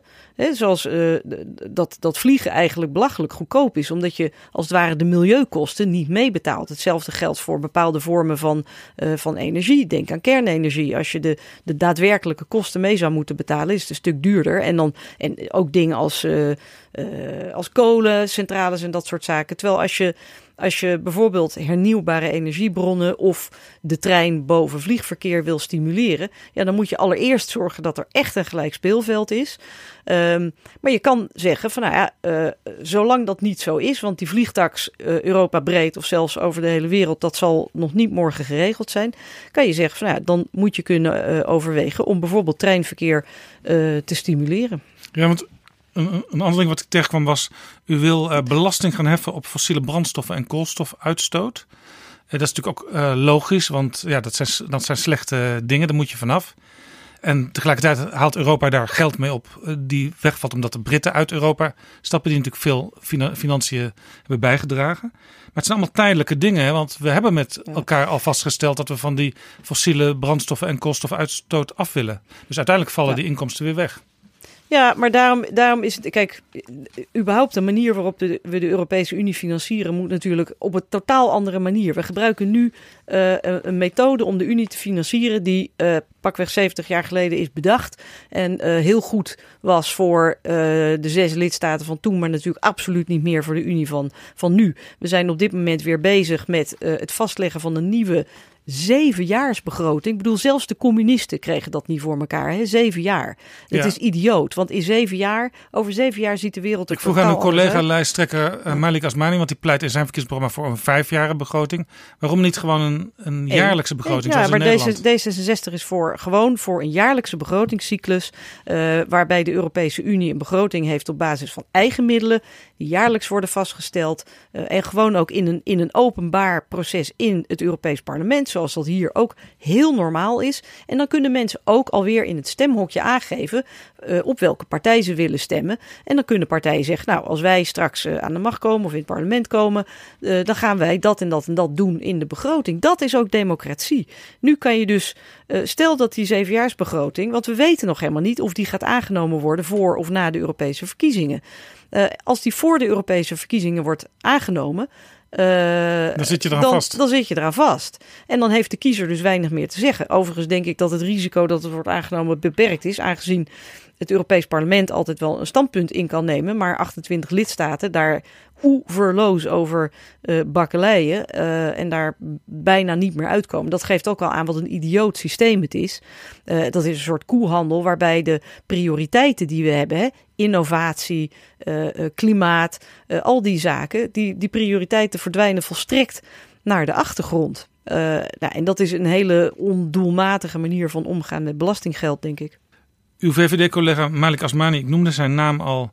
Die zat hier in Betrouwbare Bronnen een aantal weken geleden. En ik vroeg hem waarom hij in zijn programma heeft staan dat de VVD een eh, Europese cryptomunt wil. Hij kon mij niet uitleggen eh, waarom dat was en wat hij ermee bedoelde. Hij had het programma ook niet geschreven, zei hij. Ik heb in het D66-programma zitten zoeken of ik daar ook een, een, een heel merkwaardig voorstel kon vinden. Vast wel. Op, nou, op die manier kon ik het niet vinden. Maar wat ik wel zag, eh, een beetje grappig vond ik het. D66 wil grensoverschrijdend fietsvervoer stimuleren. Dus bij Wustwezel Ja. moet, eh, moet iemand gewoon door kunnen fietsen. Nou, is dat volgens mij al Nou, het geval. Je, je, je, ligt nu wel even een, een, een heel leuk zinnetje uit, maar ik vind het wel geestig. Want dit is onderdeel van de hele paragraaf over transport. En daar staat inderdaad, hè, want dat gaat natuurlijk over de, de grote Europese transportnetwerken. En dat gaat over eh, eh, single sky, dus één luchtruim, al die dingen. Maar er staat bij, en tuurlijk, hè, de fiets, fietspaden, dat zijn nou bij uitstek vaak lokale bevoegdheid. Maar je kan wel degelijk in je hele visie op transport kan je wel degelijk zeggen wij gaan als Europese Unie gaan we uh, fietsvervoer stimuleren en dat kan je samen doen met de lidstaten en dat kan je bijvoorbeeld doen binnen de, de Europese fondsen. Hè. Kan je zeggen van nou we gaan geld vrijmaken voor, uh, voor fietspadennetwerken of voor uh, het stimuleren van de elektrische fiets. Of, maar is dat nou niet echt meer toch meer iets van de lokale of van de regionale overheden? Ja, ik, heb, het is, het, ik heb net al gezegd, het is een lokale bevoegdheid. Uh, maar er is geen reden waarom je dat niet bijvoorbeeld uh, met de grensoverschrijdende subsidies uh, zou kunnen doen. Maar dit is wel. en je vindt, weet je, als je zin voor zin leest, dan vind je in alle verkiezingsprogramma's vast wel iets grappigs. en dit is een, een, beetje een soort afterthought, een laatste paragraaf in het hele hoofdstuk over, over transport. En ik vind hem eigenlijk wel sympathiek. Omdat ik denk, we, we houden ons met, met heel veel dingen bezig. En als je hier als Europeanen samen kan zeggen: wij gaan samen uh, overal in Europa het fietsen stimuleren. wij, wij committeren ons aan het overal stimuleren van fietspadennetwerken. Dan, dan is dat toch prima? Maar ik ken een paar grensovergangen tussen Brabant en België. En als je daar fietst, dan zie je aan de ene kant van de grens gewoon hetzelfde fietspad als aan de andere kant van de grens. Je valt heus niet in een diepe kuil hoor. Nou, ik kan je vertellen, in Brussel hebben ze 19 gemeentes. Niet één stadsbestuur, maar 19. En ik kan je vertellen, als je wil fietsen in Brussel en je komt bij de gemeentegrens, dan ergens midden op een kruispunt houdt ineens het fietspad op. Dus uh, er valt nog wel het een en ander toe. Maar het is niet de hoofdmoot van het programma. Hè. Ons programma is heel duidelijk. Uh, we willen echt uh, nu echt zes standjes bijzetten als het gaat over de, de integratie van Europa. Uh, er, op veel te veel gebieden stagneert het. Als je kijkt naar bijvoorbeeld uh, asiel en migratie, dat is toch echt iets waar we dringend een antwoord op moeten geven. He, op dit moment. We hebben nu de Turkije-deals. Ja. Premier Mark Rutte is daar heel tevreden over. U ook? Nee. Waarom niet? Uh, ik vind het uh, geen goede deal, omdat het uh, allereerst is het een deal die gewoon een beetje buiten alle wetten om is gesloten. We hebben een grote zak met geld gegeven aan Turkije en gezegd zorg dat je de mensen daar houdt. Dat gaat, dat, dat, dat brengt een hoop leed te, teweeg voor de mensen die daar zitten. mensen die aan de andere kant in Griekenland op de eilanden vast zijn komen te zitten. Er zitten nu voor de vierde winter op rij mensen in tentenkampen in Griekenland. Die zitten daar gewoon in de kou in de sneeuw met onvoldoende voedsel, onvoldoende medicijnen, uh, medische zorg. Kinderen zitten daar, vrouwen. Ik vind dat schande. Met andere woorden, en dat is, dat wordt is een beetje gedaan in Europa, ook door bijvoorbeeld Nederlands premier Rutte, dat het probleem voor een groot is opgelost, maar dat is helemaal niet zo. Nee, en op dit moment is, kijk, sowieso, de, de, de, er komen veel minder vluchtelingen en, en migranten aan. Uh, dus op dit moment is eigenlijk de instroom is heel laag. Maar je ziet dat de, en, en het Europees Parlement, maar ook de lokale overheden, heel veel burgemeesters bijvoorbeeld, maar de katholieke kerk, uh, NGO's, die dringen allemaal aan en daar is grote consensus over uh, het gemeenschappelijk en uh, asiel- en migratiebeleid. Waar zit het vast? Er is één bottleneck en dat zijn de 28 lidstaten, de 28 regeringsleiders, die gewoon nu al jaren maar niet tot een besluit kunnen komen. Nou, straks als er misschien weer ergens een crisis ontstaat, eh, klimaatcrisis of een oorlog of wat ook, en er komen mensen hierheen, dan ben je dus weer niet klaar om die mensen op te vangen. En als je naar de aantallen kijkt, dan kunnen wij dat, hè, Angela Merkel had gelijk, als Europa kunnen wij dat aan. Ja, Angela Merkel zei weer schaffen es, maar het resultaat in uh, Duitsland is uiteindelijk politiek geweest dat de AFD, een extreemrechtse partij met heel veel zetels in de Bondsdag is binnengemarcheerd. Nou, dat was, je kan echt niet zeggen dat dat daar rechtstreeks het resultaat van was, want de AFD bestaat al veel langer. Uh, je ja, maar ze zitten nu pas in de Bondsdag ja, met heel veel zetels. Ja, maar dat, dat is iets waar, waar al heel lang aan gebouwd is. Overigens, de linkse partij daar, die begint ook steeds uh, meer anti migratie te worden. En die zit al heel lang in de Klopt, maar, maar je heeft ziet Merkel ook, dan geen ook, olie op het vuur gegooid? Nee, je ziet ook... Nee, Merkel heeft gedaan wat juist was. Maar je ziet ook, want mensen... Uh, het hele idee dat mensen allemaal massaal... Hè, in Duitsland of in Nederland massaal anti-immigratie zijn... is gewoon niet waar. De overgrote meerderheid van mensen zijn heel pragmatisch. Ze, ze zeggen, natuurlijk moeten wij vluchtelingen opvangen. En ja, uh, arbeidsmigratie is ook een fact of life. Bovendien, hè, we, hebben, we hebben gewoon arbeidsmigratie nodig. Maar We willen wel gewoon zeker weten dat het in goede banen wordt geleid, dat het onder controle is. Nou, wat zie je? Er, is, er ligt gewoon een heel pakket klaar aan uh, asielmaatregelen.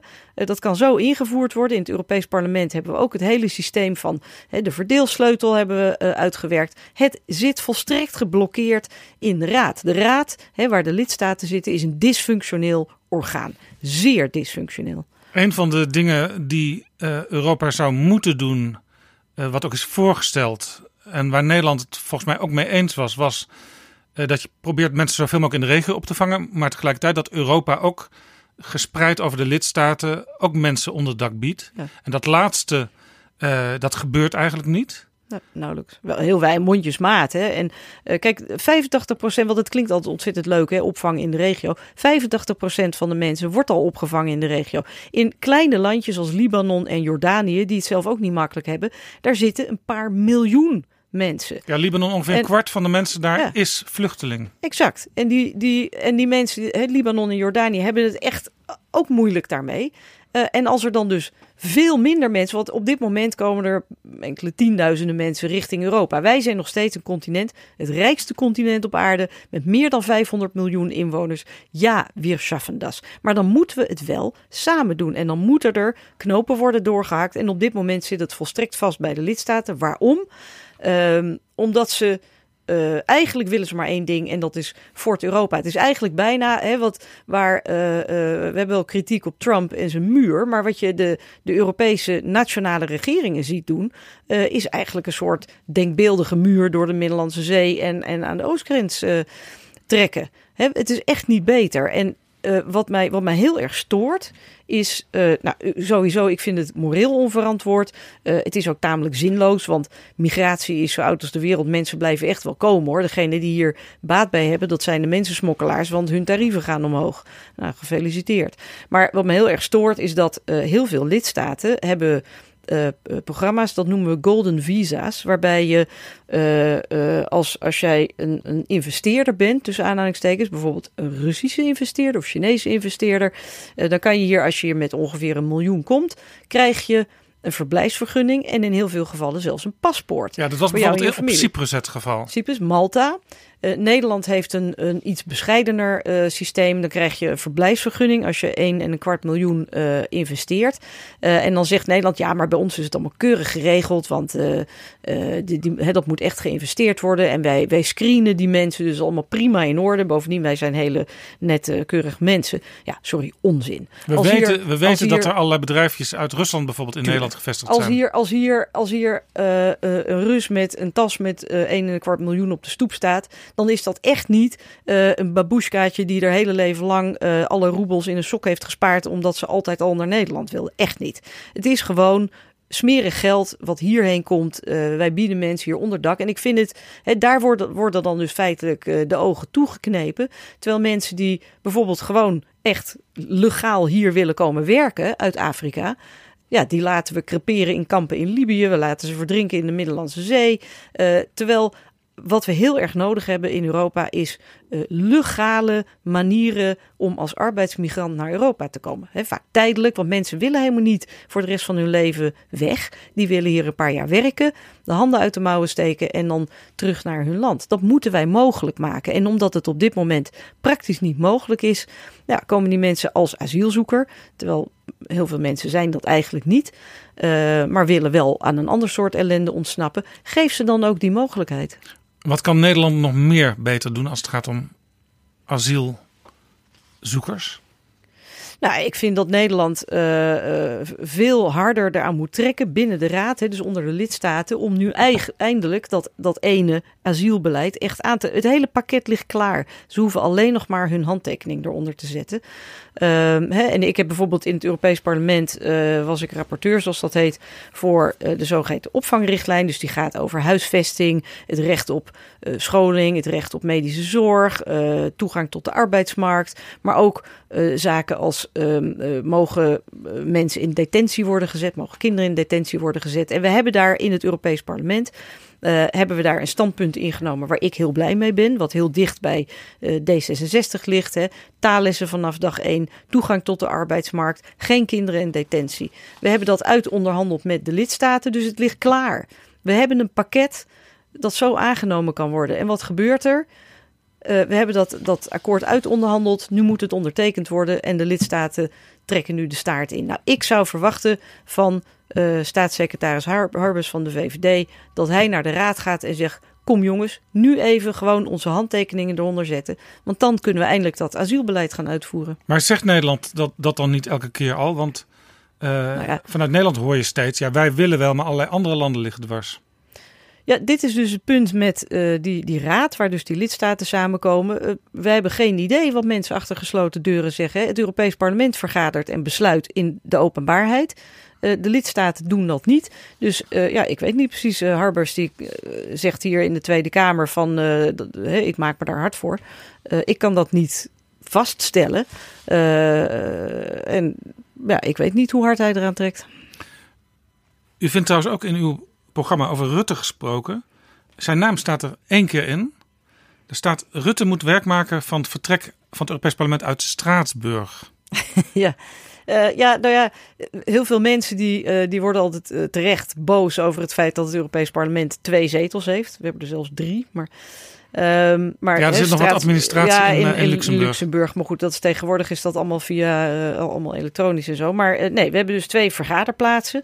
Uh, dat moet dringend afgeschaft worden. Dat vindt de overgrote meerderheid van de Europarlementariërs ook. Um, punt is alleen, wij gaan er niet over. Dit moeten de lidstaten met unanimiteit beslissen. Nou, en dan hoor je. Hè, maar het interessante is dat Rutte die vindt dat ook als je het hem vraagt. Ja. En u kunt het gewoon aan uw vriend uh, Emmanuel Macron vragen, want die heeft altijd het veto gehouden op dit punt. Kan ook, maar waar, waar dit over gaat, uh, die verwijzing naar Rutte, is dat Rutte en zijn VVD natuurlijk ontzettend he, een beetje doen ze van oh, Europa deugt niet, want uh, Straatsburg. Zou ik zeggen, ja, maar als jij premier bent, dan zit je dus daar waar je de kans hebt om het op de agenda te zetten. Zet het op de agenda. Maar het punt is, we hebben dat wel eens, hier D66 heeft het in de Kamer wel eens gevraagd.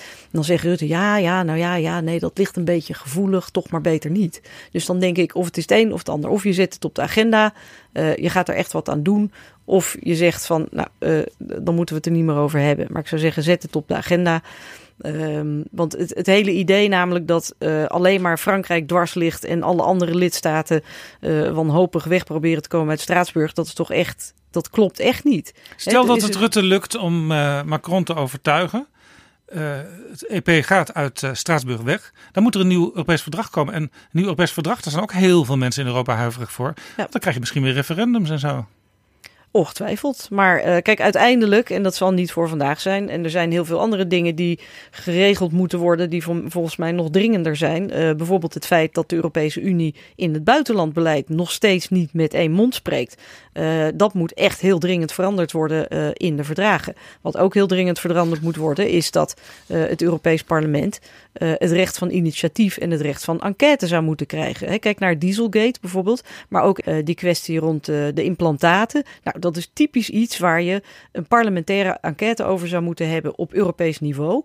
Wij doen ook enquêtes, alleen wij, hebben niet, uh, wij kunnen mensen niet dwingen om onder Ede uh, ja, dus u, vindt, u zegt eigenlijk, Europa moet democratischer en het moet beginnen bij het Europees Parlement. Want dat mist nog een aantal parlementaire rechten die je in nationale lidstaten meestal we wel zijn, ziet. We zijn op heel veel terreinen, op het overgrote deel van de terreinen, zijn we volledig medewetgever. Maar er ontbreken nog een aantal stukjes. Uh, een, een, deel van uh, de begrotingsmacht, uh, buitenlandse zaken, het initiatiefrecht en, en dat enquêterecht. Ja. Nog even buitenlandse zaken, want u zegt net er moet zo min mogelijk met veto's gesproken worden in Europa over buitenlands beleid. U zegt zelfs in uw programma er moet één gezamenlijke Europese zetel in de VN-veiligheidsraad komen ja. voor Europa. Ja. maar Frankrijk zit er toch al in?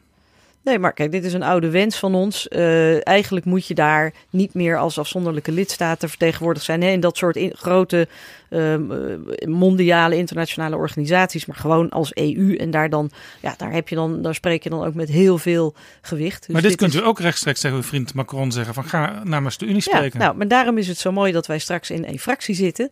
Eh, en dan zul je zien dat de overtuigingskracht van D66 eh, groot is. Ik bedoel, we zien dat nu ook al binnen de coalitie. Eh, hè, meneer Rutte die zat nog geen half jaar met D66 in de coalitie. En toen werd hij al, sprak hij al heel lovend over de Europese Unie als waardegemeenschap. Dus ehm, uiteindelijk zie je dat wij, eh, wij... Wij kijken altijd ver vooruit. We hebben echt die stip aan de horizon.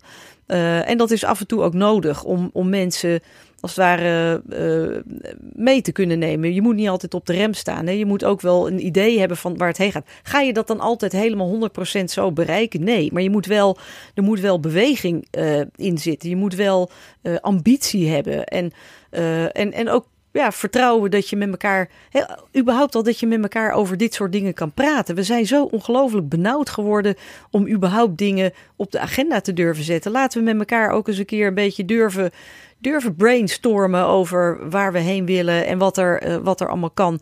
En ook, ik, ik zou eh, dat zou ik hier zeker voor uw microfoon toch wel willen bepleiten. Laten we gewoon weer eens een keer wat meer vertrouwen hebben. Vertrouwen eh, om te beginnen in onszelf. Eh, dat we heel erg veel tot stand kunnen brengen. We zijn als, als Europeanen, de hele wereld kijkt naar ons als een soort lichtend voorbeeld. En wij, wij hebben een, een ongelooflijk eh, ja, complex. We zijn heel onzeker over onszelf. Eh, denk, ja, wij kunnen vast niet goed samenwerken, want we zijn heel verschillend. Moet je eens even kijken wat wij tot stand hebben gebracht. We zijn objectief gezien het beste continent ter wereld. Kijk, als je rijk bent en je hebt de juiste vriendjes, dan heb je het overal goed, tot en met Noord-Korea aan toe. Maar voor gewone mensen eh, is, is Europa de beste plek. Nee, Margarethe Vestager, de eurocommissaris, die zegt altijd... als je vrouw bent, is er echt geen beter continent ter wereld dan eh, de Europese Unie. Dus we mogen vertrouwen hebben in ons vermogen om ook in hele moeilijke tijden eh, dingen voor elkaar te krijgen. Maar ik denk dat we ook wel wat vertrouwen mogen hebben in, in de toekomst. Eh, we leven in hele ingewikkelde tijden, maar er zijn ook heel erg veel kansen. En we hebben, als we als we elkaar goed vasthouden als Europeanen, dan kunnen we gewoon ook heel veel. En dan kunnen we mensen ook beschutten tegen de, de turbulentie waar we doorheen gaan. De Britten die komen daar ook steeds meer achter. Hè, dat Europa Ja. toch eigenlijk best wel een fijn arrangement is. Ze zijn steeds meer in verwarring over hun eigen brexit die voor de deur staat. Is dat eigenlijk wel zo'n goed idee geweest? Stel, het gaat allemaal mis met de plannen die Theresa May nu heeft met die brexit. En haar plannen worden van tafel geveegd. Er komen misschien verkiezingen, er komt misschien een andere coalitie. Stel, uw eigen liberaal-democraten die komen in Groot-Brittannië in het kabinet samen met bijvoorbeeld Labour en de Schotten. En die komen naar Brussel toe en zeggen: Wij willen eigenlijk toch nog wel eens opnieuw praten over die Brexit. Misschien willen we dat eigenlijk uiteindelijk niet laten doorgaan.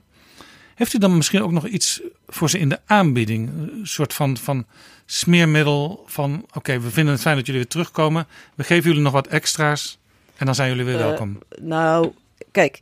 Er, dus, er wordt heel veel gesproken over hoe zou dat dan in zijn werk gaan en kan dat juridisch? Hè? Stel dat ze, eh, eh, dat ze het besluit zouden intrekken, kan dat dan eenzijdig? Eh, er zijn mensen die, die vinden dat dat juridisch niet kan. Ik denk dat het politiek dat het wel kan. Als zij zouden zeggen van jongens, we hebben er nog eens over nagedacht, we gaan het toch maar niet doen.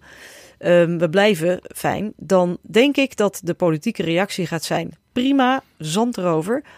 Alleen, eh, en dan zullen ze gewoon terugkomen op de voorwaarden die ze al hadden. En de Britten hadden namelijk al heel veel uitzonderingen. Ze zitten niet in de eurozone, ze zitten niet in Schengen.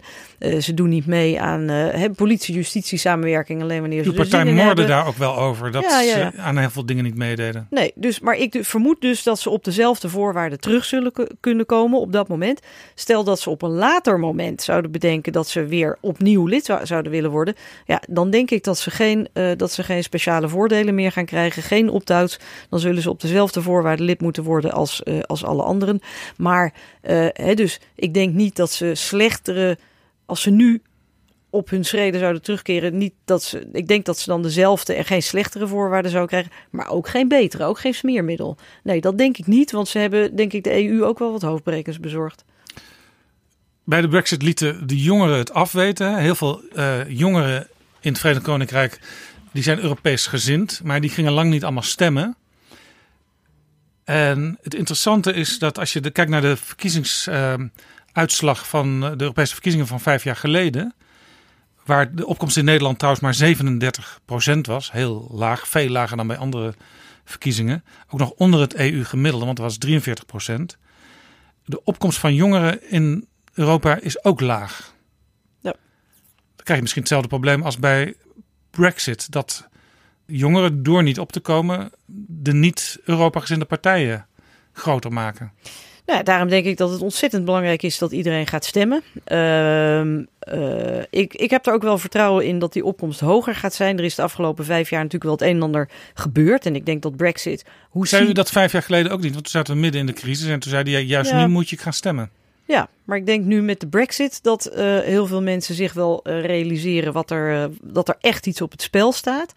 Ehm, ik denk wel, kijk, en die, die, die lage opkomstcijfers, dat is natuurlijk dat is zorgwekkend. Dat is ook ja, dat is ook wel een, een, een, democratisch probleem.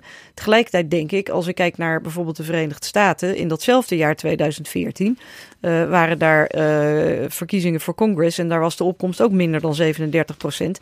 Uh, en dan zat daar de halve Nederlandse pers om daar 24 uur verslag van te doen van de verkiezingen. En zei iedereen feest van de democratie. Dus ik bedoel, we het ook een beetje in perspectief blijven zien. Maar het is wel belangrijk dat die deelname met name van jongeren ook omhoog gaan. Want het is, het, er blijkt vaak dat jongeren die de eerste keer dat ze mogen stemmen, als ze dan niet gaan stemmen, dan gaan ze dat daar, daarna waarschijnlijk ook niet meer doen. Dus uh, het is belangrijk dat jongeren hun stem laten horen en dat ze zich ook realiseren dat het echt verschil maakt. Uh, ik meen bij de, bij de uitslag van de vorige verkiezingen heeft u gezegd die lage opkomst, 37% toen, bedreigt de legitimiteit van het Europees Parlement. Als die opkomst nu weer zo laag is, of misschien nog lager, komt dan die legitimiteitsvraag echt aan de orde? Nou, ik, ik, denk niet dat, dat je dat zo uh, één op één met elkaar kan verbinden. Want hè, opkomst bij de, bij de gemeenteverkiezingen uh, is ook niet heel hoog. En niemand pleit ervoor om die gemeentes dan maar af te schaffen of zo. Maar natuurlijk uh, is het wel belangrijk dat genoeg mensen het gevoel hebben van dat ze de urgentie voelen. en naar die stembus gaan. Kijk, er zijn de vorige keer, hè, die 43 procent.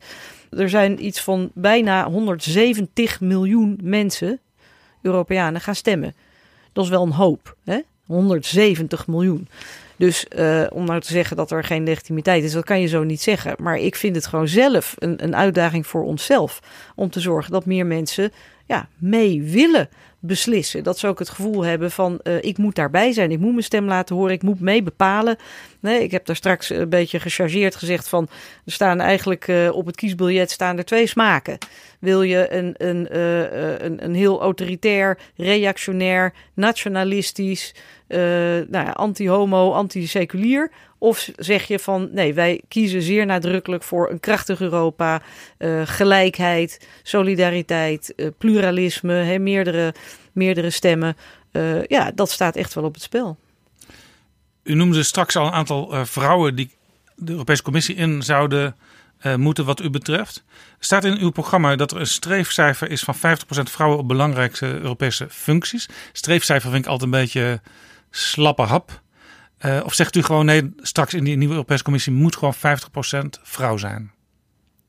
Nou, uh, wat ons betreft wel. Want uh, kijk, bij het parlement is het natuurlijk wat lastiger. Want daar gaat het natuurlijk om wie de kiezer straks kiest. Hè? Nou ja, kan je, kunt het, niet bepalen. Maar je kan wel bevorderen door 50% partij, van de lijst straks ja, vrouw te laten zijn. Partij, dat is nou, nog nooit gebeurd bij D66 nee, nou om te beginnen hebben wij al een vrouwelijke lijsttrekker voor, de, voor het Europees Parlement. Ik het namelijk. We hebben een, een hele goede vrouwelijke lijsttrekker voor de Eerste Kamer. Annelien Bredenoord, een fantastisch, fantastische kandidaat. En straks ook eh, Sigrid Kaag voor de nationale verkiezingen? We, we hebben, uh, dat is nog lang niet aan de orde.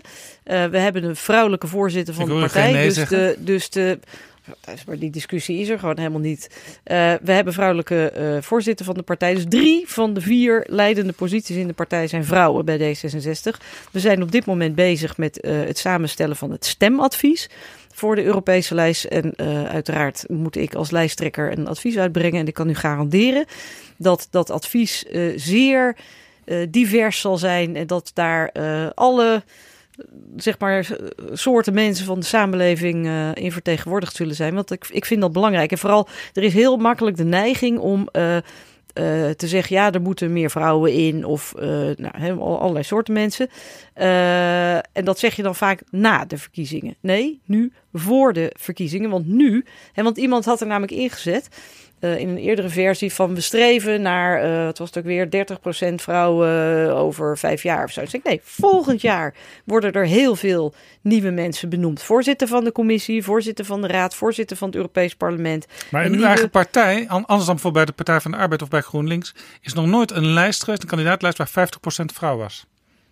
Nee, maar je moet, nou, uh, ik denk dat, kijk, 50% vrouwen hangt, hangt ook af van, hè, dan moeten zich ook 50% vrouwen melden. Dat is niet zo, dat betreur ik, maar wij zijn er wel heel hard aan het werken. Dat zeggen mensen zorgen, van raden van bestuur ook om, altijd. Ja, er zijn zo weinig vrouwen. Op, op dit moment zijn we dus bezig. En dit is voor mij persoonlijk, kan ik u, ik, hè, dat kan ik u zeggen, ook voor de partij, maar zeker ook voor mij persoonlijk, uh, is het belangrijk dat dat evenwicht er zeker in de, de top 10 wel is. Ja.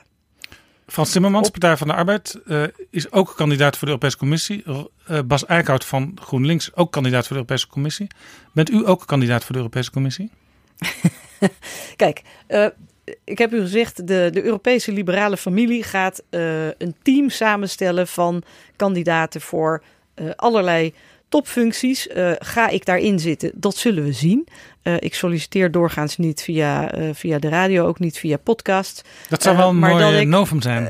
ja, ja hè, dat zou echt dat zou heel modern zijn. Nee, ik ben gewoon nog ouderwets. we gaan dat binnen de liberale familie bepalen.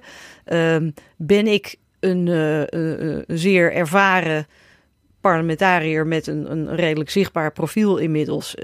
ja, wil ik graag een functie bekleden waar ik op een, een, een zinnige manier veel kan bijdragen en mee aan de knoppen kan zitten. Ja, als, als principe natuurlijk.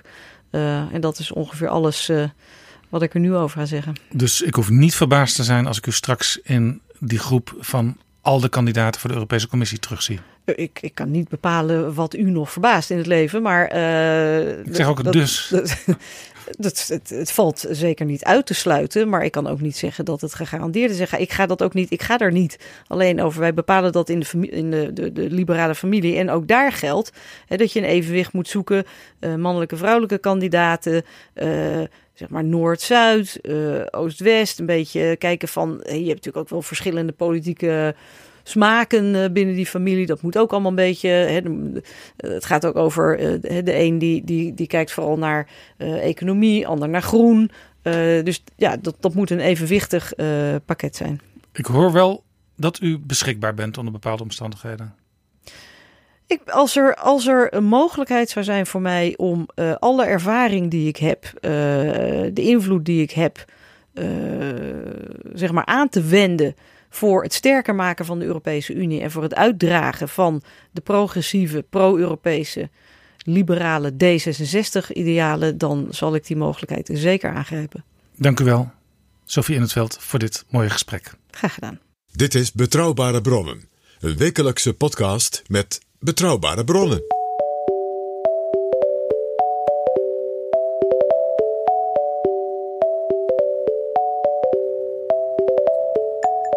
Dit was aflevering 15. Wil je adverteren in betrouwbare bronnen? Neem dan contact op met Bob den Hartog van Dag en Nacht Media.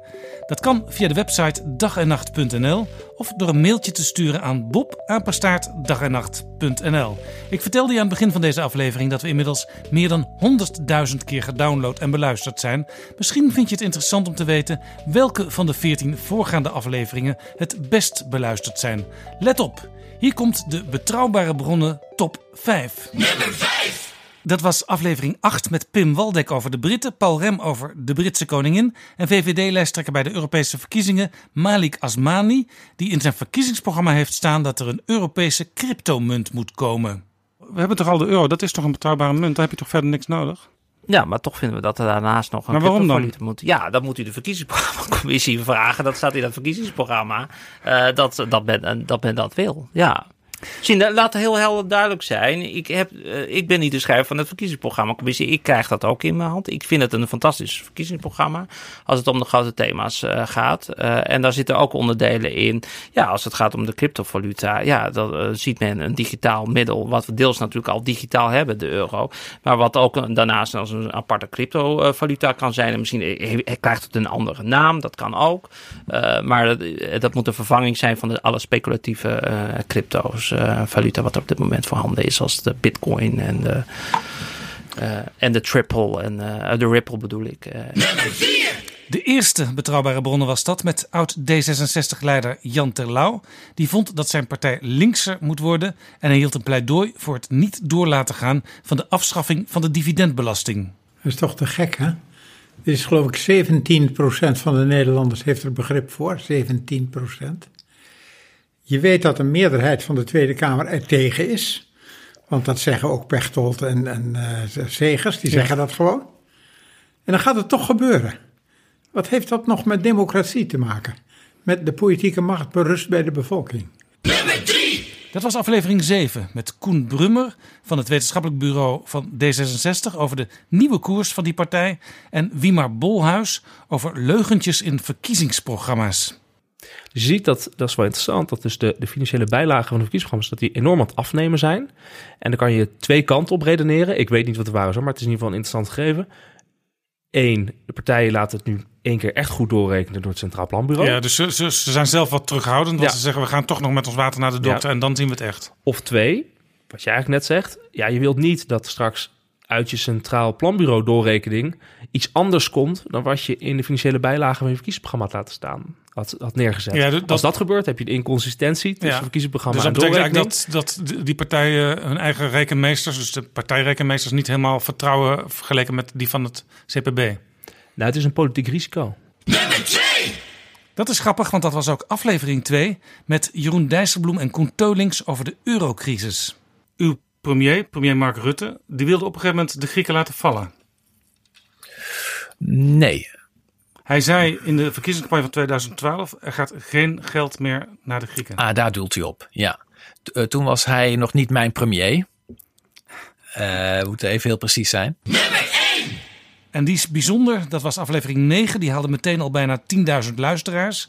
Dat is de special naar aanleiding van het overlijden van Wim Kok, met onder andere Partij van de Arbeid-ideoloog Joop van den Berg. Ik heb één gesprek gehad nog, ja, wanneer was dat? In ieder geval nou, voor de verkiezingen 2017 met Wim bij hem thuis. En toen werden we het erover eens dat het horrorscenario zou worden dat de Partij van de Arbeid 12 zetels zou krijgen. En dan zou denken met twee ministers kunnen we mee blijven doen. Want dat zat er eh, bij, bij, Diederik zat het er ook wel een beetje in, hadden wij het gevoel. En de meeste indruk in die aflevering maakte, denk ik, Jeltje van Nieuwenhoven toen ze honderd uit vertelde over haar jaren met Wim Kok. Bijvoorbeeld over die avond op een terrasje in Amsterdam tijdens de formatie van het eerste Paarse kabinet. En toen zei hij, en dat vind ik zelf nog altijd, dat is zo tekenend voor, voor Wim.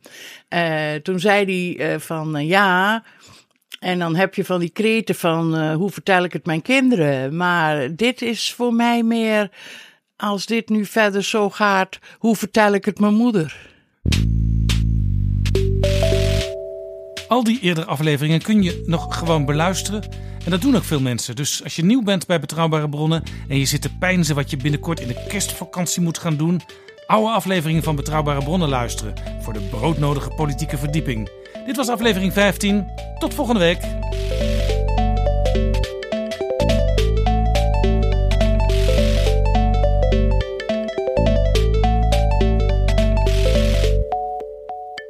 Betrouwbare bronnen wordt gemaakt door Jaap Jansen in samenwerking met dag en nacht.nl.